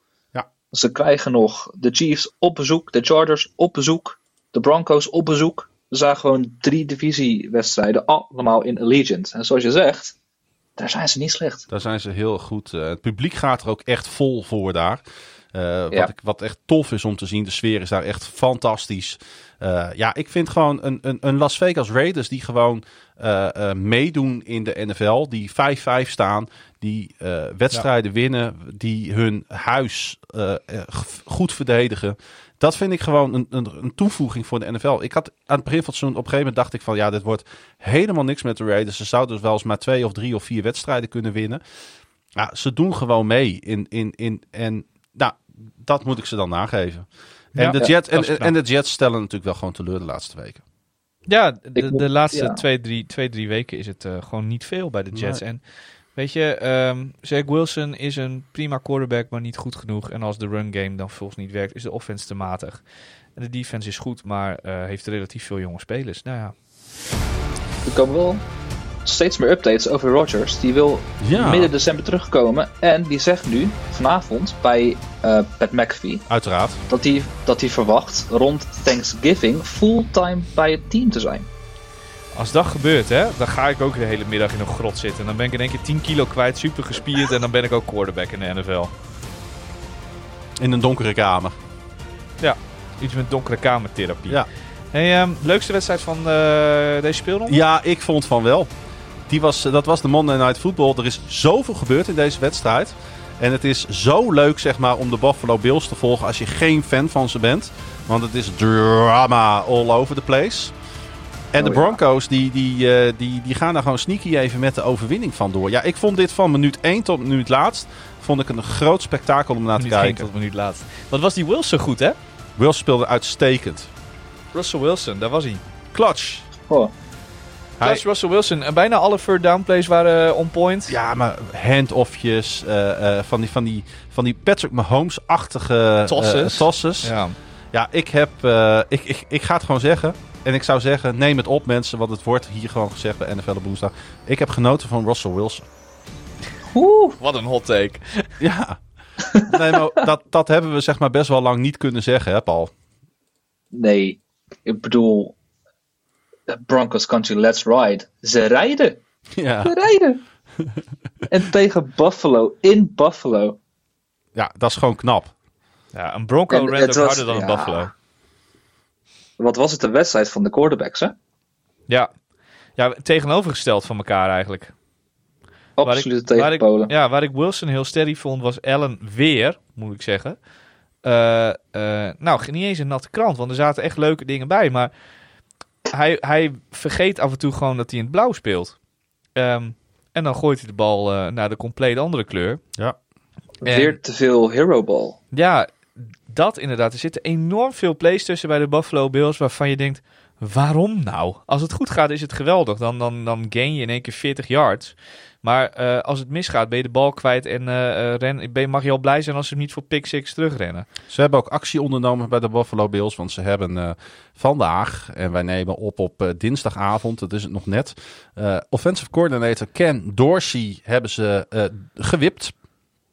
Joe Brady, de quarterbackscoach, is eh, als interim replacement eh, benoemd. Ja, en eh, ik denk dat het volkomen logisch is dat ze Dorsey hebben ontslagen. Want hij laat dit week in, week uit, dit seizoen gewoon gebeuren. Zonder in te grijpen, zonder het gameplan aan te passen. Zonder zeg maar echt te gaan plannen op wat de daadwerkelijke kwaliteit van Josh Allen is. En dat is namelijk gewoon systematisch het veld oversteken. Met goede plays, gecombineerd met een run game. Die natuurlijk ook eigenlijk al het hele seizoen tegenvalt. Die nu wel redelijk was hoor, deze Ja. wedstrijd. Maar de wedstrijd hiervoor natuurlijk abominabel slecht af en toe was. Ehm, ja, ik vind dit wel een terecht ontslag, eh, Paul. Ja, ja. Het, het, het, het loopt al. Zeker als je de potentie van dit team ziet. Want het, het, het heeft gewoon. Het heeft wel gewoon wapens, weet je. Het heeft. Stefan Diggs, die wordt er. Dus zeker dit seizoen vind ik hem gewoon niet uit de verf komen. Niet met Nee. Josh Allen. Nee. Gabe Davis vind ik geen betrouwbare nummer 2 meer. Nee. Had ook weer, gaat ook weer de fout in. Heeft natuurlijk die ene leuke wedstrijd gehad tegen Kansas City. Maar King, verder, Kincaid, ja. Kincaid is eigenlijk de grote man in de aanval. Kincaid is de grote man. En Ja. hoe kan dat? Ja, Hoe kan dat? dat mag net, dat, Josh- is- dat is leuk voor hem, maar het, had, het, het moeten die andere twee natuurlijk zijn. We moeten Ja. wel even niet vergeten Ja. Dat er zat wel één play aan het einde van deze wedstrijd. De pass interference van eh, Johnson. Dat mag gewoon niet gebeuren hè, in de Bills defense. Nee. Op Nee. dat moment, op zo'n rare halve heel Mary-achtige bal weer van Josh Allen. Waarom in de vrede neem je het risico om daar pass interference op te maken? Ik heb nog liever dat die jongen die bal vangt en dat er geen vlag gegooid wordt, dan dat die bal, nou volgens mij twee meter over beide spelers heen zeilt en dan Hm. In het gras terechtkomt en dat er wel een vlag Ja, gegooid pas van Wilson bedoel je natuurlijk. Je zei Ellen, maar het was- Ja, het was pas, in, eh, ja, pas van Wilson, Ja, sorry. ja. Maar in elk geval, blijf gewoon van hem af. Want eh, dan gaan de win probability van de, van de eh, Bills gaat ineens gigantisch omhoog. Ehm, want dan moet ik het nog maar zien. Maar ja, dat, dat, dat was wel bizar dom. Ja, en, en laten we het dan gelijk maar even hebben over, over wat er eigenlijk gebeurde op het eind van die wedstrijd. 12 man on the field. Zo. Want- Oh, Ja, dat nog. Eh, ja. dit is een van de grotere blunders van dit seizoen, hè? ja, eigenlijk Nou, wel. Ja, vooral omdat de field goal dat. gemist wordt. Als, als die field goal er nou gewoon ingaat, dan is het allemaal nog niet zo erg. Nee. Maar hij mist hem. Nee. En dan is het flag 12 man on the field en eh, we need to retake the kick. En dan gaat hij er wel in. Ja, nou ja.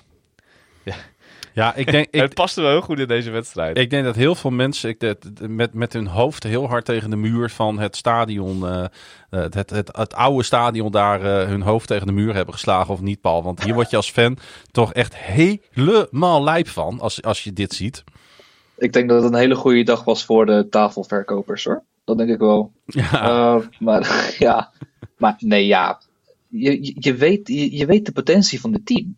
Ja. Je, je- weet dat je in Josh Allen gewoon een van de beste van. Laten we Ja. wel wezen, het is nog steeds een van de beste quarterbacks van de NFL. Maar hoe het team gerund wordt, hij heeft nu dat is ook, aan, dat is ook aan, zeker aan zichzelf te ranken. Hij heeft nu zes wedstrijden op rij met een interceptie. Hm. Hij leidt sinds 2018, sinds hij in de, in de NFL is gekomen, leidt hij de NFL in turnovers, in, in interceptions. Ja. Dat is al, allemaal Josh Allen. En dat heeft ook te maken met hoe, hoe het team wordt gerund. Maar je staat gewoon 5 en 5. En Ja, je maar- wordt van tevoren getipt als top 3. Ja. Het heeft toch ook wel een beetje te maken met Josh Allen zelf. Want er is natuurlijk Absoluut. niemand die tegen hem zegt: eh, eh, Lieve Josh, eh, jij moet minstens vijf keer per wedstrijd eh, eh, een bal over 40 yards gaan gooien. Terwijl je niet helemaal zeker weet of dat wel kan. In, tri- in triple coverage. In triple coverage. Dat, dat Tri- doet hij natuurlijk uiteindelijk ook zelf, weet je.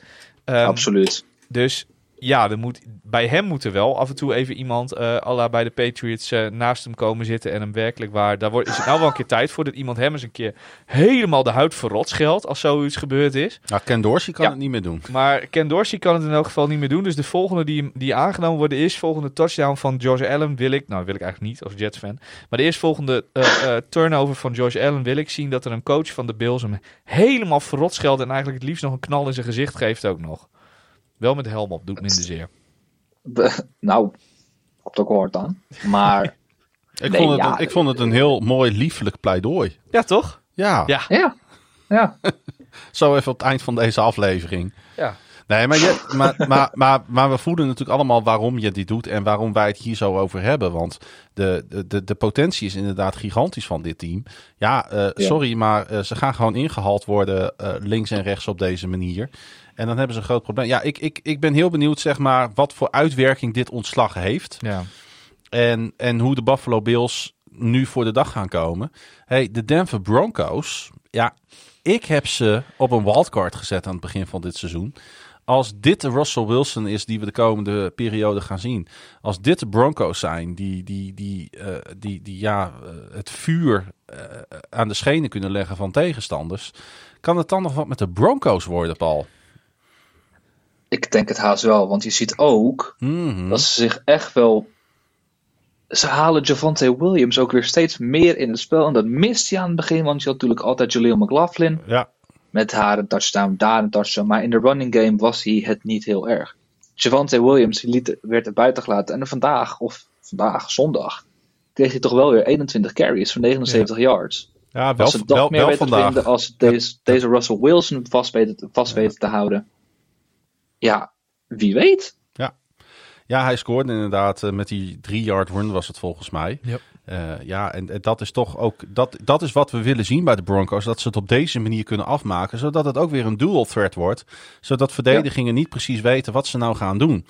Ja, en dan, dan, eh, dan kun je Russell Wilson wel achter, achter de kookplaat zetten. En dan, kan het, dan is het weer gewoon een superleuk team om naar te kijken. Komt de hutspot uit, hè? Oranje. Ja, Maar jullie hebben nog wel vertrouwen in dat de Bills, even terugkomen op de Bills, dat die nog de, de favoriet zijn voor de AFC East? Ik vind de Bills op papier met deze selectie moet je eh, ze als een van de favorieten voor AFC East opschrijven. De Dolphins gaan de divisie winnen, maar de Bills gaan de tweede plek eh clinchen. Dat gaat gebeuren. ja. Ik, Ik ga, heb er gewoon geen vertrouwen meer in. ja, maar ik heb ook Ik heb er geen vertrouwen meer in. Maar ik heb ook in de Dolphins wat dat betreft niet zoveel vertrouwen meer. Als je ziet hoe die de grote wedstrijden hebben weggegeven. Ja, maar die winnen van de kleintjes. Klopt. Als je gewoon van de kleintjes wint, dan is het prima. ja, maar Kijk, dan haal je, dan, de dan, Bills dan, verliezen haal je van de, de, Broncos. dan Op haal je de een kleine play-offs team. wel. Ja, Daar Maar gaat dat, het niet dat om. is ook het probleem. ja. Dat is het probleem. Ze verliezen nu van Denver, maar dat programma van Buffalo is killing. Ja. Het is killing, want ze moeten nu tegen de Jets. Dan gaan ze naar Philadelphia. die gaan ze Dan hebben verliezen. ze de, dan gaan ze, dan hebben ze de bye week. Daarna gaan ze naar Kansas City. Moeten ze tegen Dallas. Gaan ze naar LA voor de Chargers. Oh. Dan krijgen ze de, oké, dan krijgen ze de Patriots op bezoek. Maar dan gaan ze weer naar Miami voor de laatste wedstrijd. Ja, Ik tel, zo, ik tel al vijf keer verliezen. Nou, daarom. Dit gaan ze. dit- Vijf keer Buffalo, zeker, Buffalo, vijf keer Buffalo zeker gaat de playoffs missen. Die gaan niet naar de playoffs. en ik heb dus voorspeld dat zij dus volgende week van de Jets gaan verliezen. Ja, dat is zes keer verliezen. Want ik heb voorspeld dat ze die winnen. Maar Ja. zes keer verliezen dan. Ja. Ja, ja. dus eh, eh, het wordt wel interessant om dit in de gaten te houden. Ja, en als, we Ja. moeten ook zeggen, als Josh Allen het wel weet om te draaien, eh, dan zou dat ook wel weer super knap zijn natuurlijk. Want als ze eenmaal in die playoffs staan, ja, Dan weet niemand dan het. zijn ze natuurlijk iedere wedstrijd competitief. Ja, dan weet niemand het. En met die Broncos, ja, het is... De Chiefs gaan die divisie winnen. En dan heb je Raiders, Chargers en Broncos... die ik eigenlijk allemaal even hoog of, of laag inschat. Het is maar net bij wie het het eerste klikt, weet maar je? in de NFC, je hoeft niet een heel goed seizoen te draaien om die zevende spot te pakken. Eh, nee, AFC is dit. Nee. Eh, sorry, eh ze AFC Ja. natuurlijk. Nee, ook in de AFC hoef je niet... Eigenlijk geldt het nu voor beide conferences. Eh, je hoeft, kijk... Oké, de AFC North is natuurlijk wel dusdanig sterk. Het is Ja. niet helemaal waar wat ik zeg. Nou, je mag ook wel eens iets zeggen wat niet helemaal waar is. Je mag best een beetje overdrijven. Ja.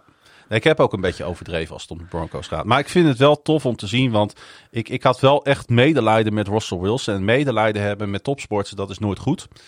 Dus, nou ja, deze, deze, deze kan die in zijn zak steken. Welke topsporter heeft u wel eens medelijden? En ik vind het gewoon tof om te zien. Weet je, ik zat ook weer hier weer naar de tribunes te kijken. En dan zijn er gewoon Broncos-fans zijn afgereisd naar Buffalo. Nou, ik ben ooit in Buffalo geweest.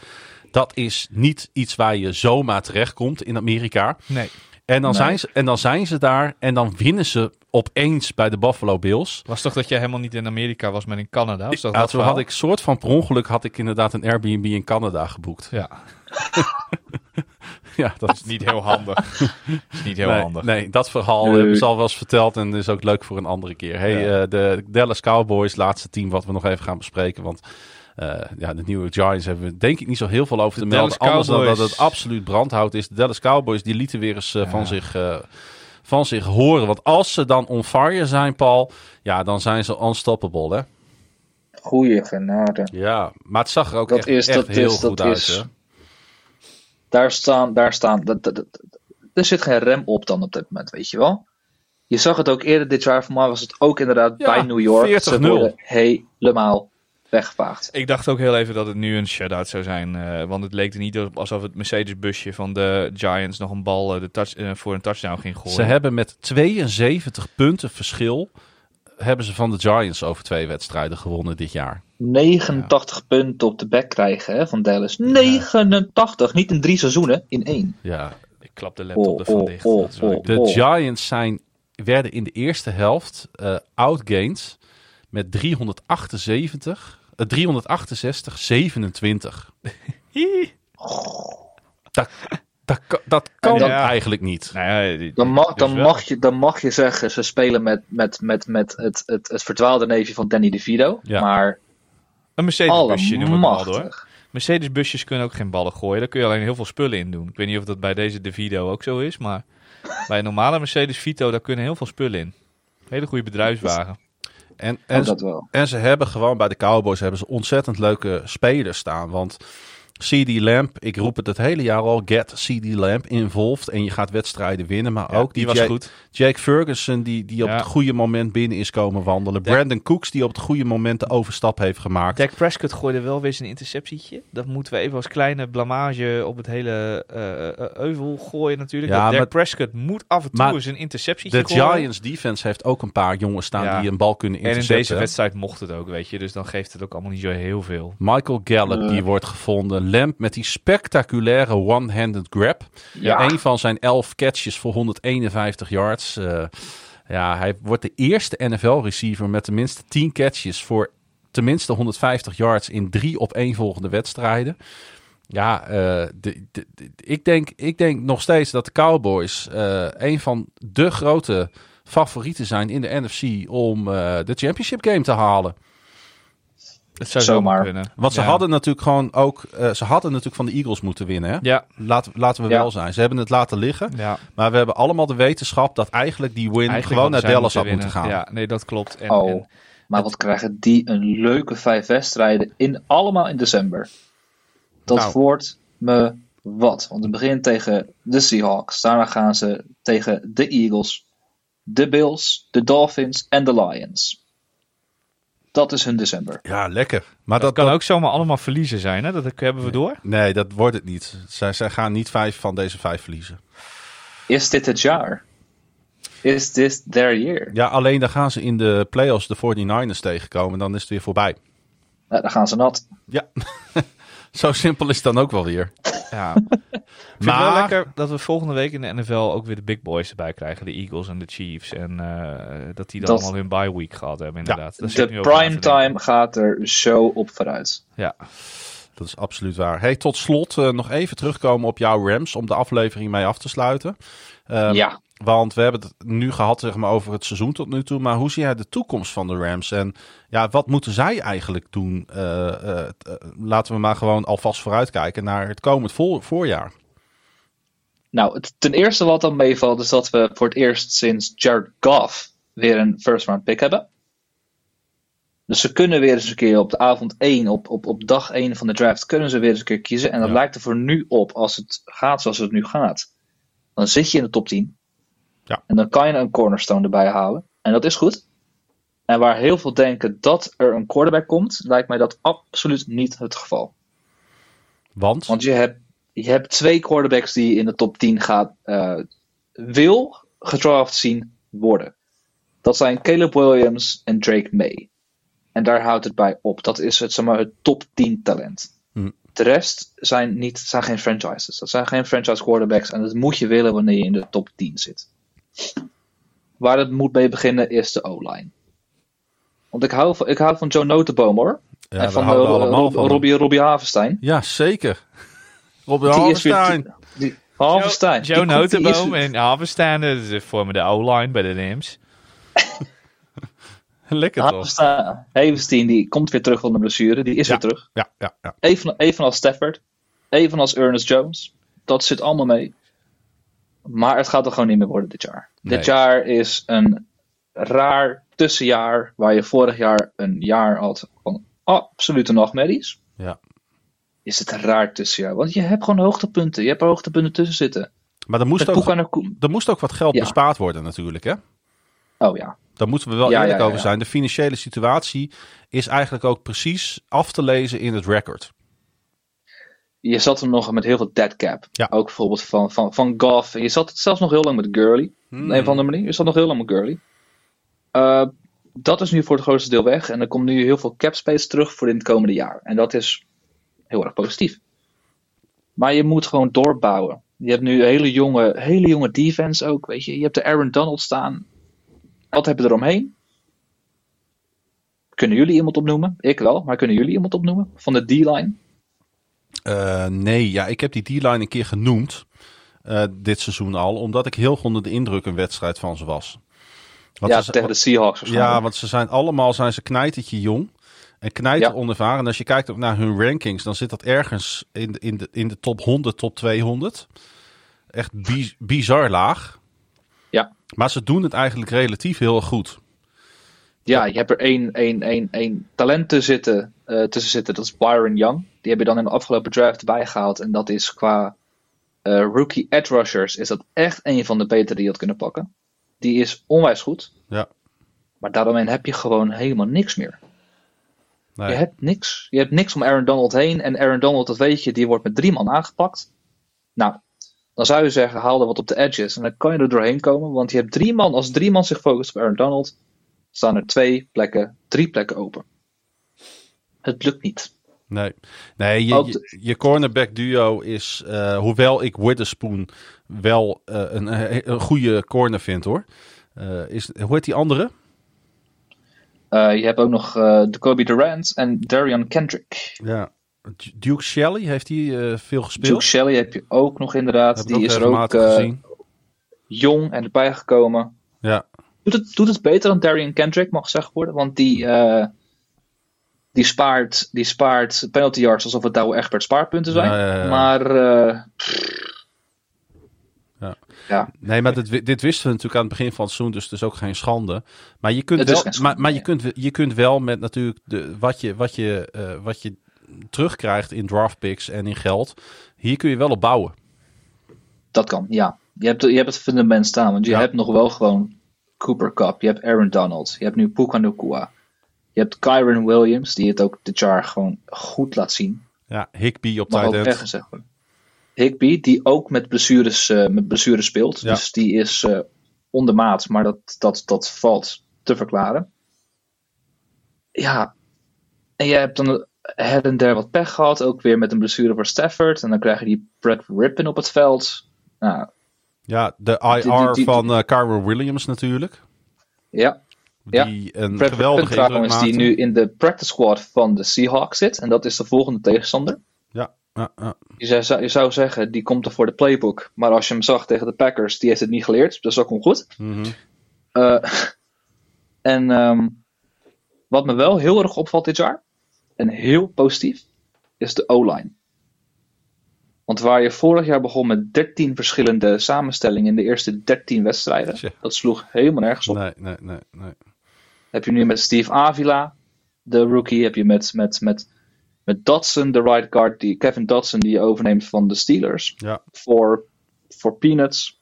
Dan staan met Dodson dan heb je zo'n beetje, je hebt de beste run guard volgens mij in de Ja, NFL. Je en- hebt met Steve Avila echt een cornerstone. en het zijn van die linemen die eigenlijk overal kunnen staan.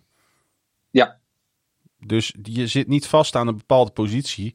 Want ik heb volgens mij Notenboom heb ik al op vier verschillende posities gezien dit seizoen. ook. Ja, klopt. Dat is dan voor nu. eh, die staat vooral veel op left tackle. Terwijl er ook Alaric Jackson komt te staan, maar dat is het allebei niet heel erg. Nee, Nou, nee onze- Notenboom, onze is, nood- onze- Notenboom is sterker op rechts. Ja, Ja. ja. en daar staat dan weer Havenstein. Ja, ja. die questionable ook- is trouwens voor de komende wedstrijd.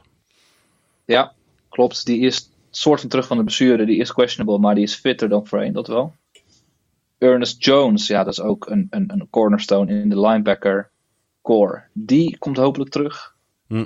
En dan hoop je gewoon dat, dat McVeigh, dat die gewoon weer, ja, die heeft het nummer van, van Pete Carroll.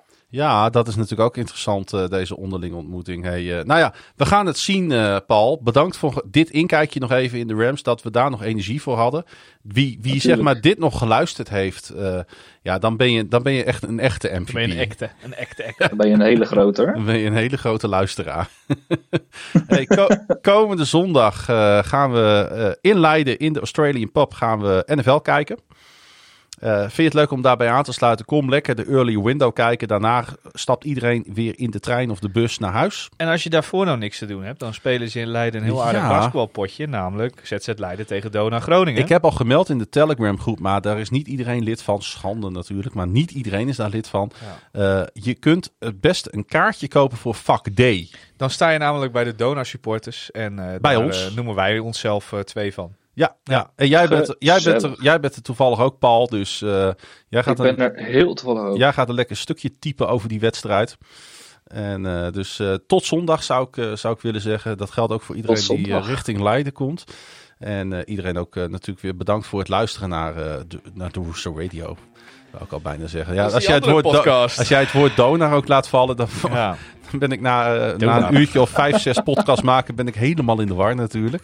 Nou, NFL op woensdag. En ik heb eh, goed nieuws, want eh, komende donderdag in de, voor de extra podcast is Pieter weer terug in Nederland. Dus we gaan donder- donderdagavond gaan we voor de MVP-leden, voor de betalende leden, gaan we de extra podcast opnemen.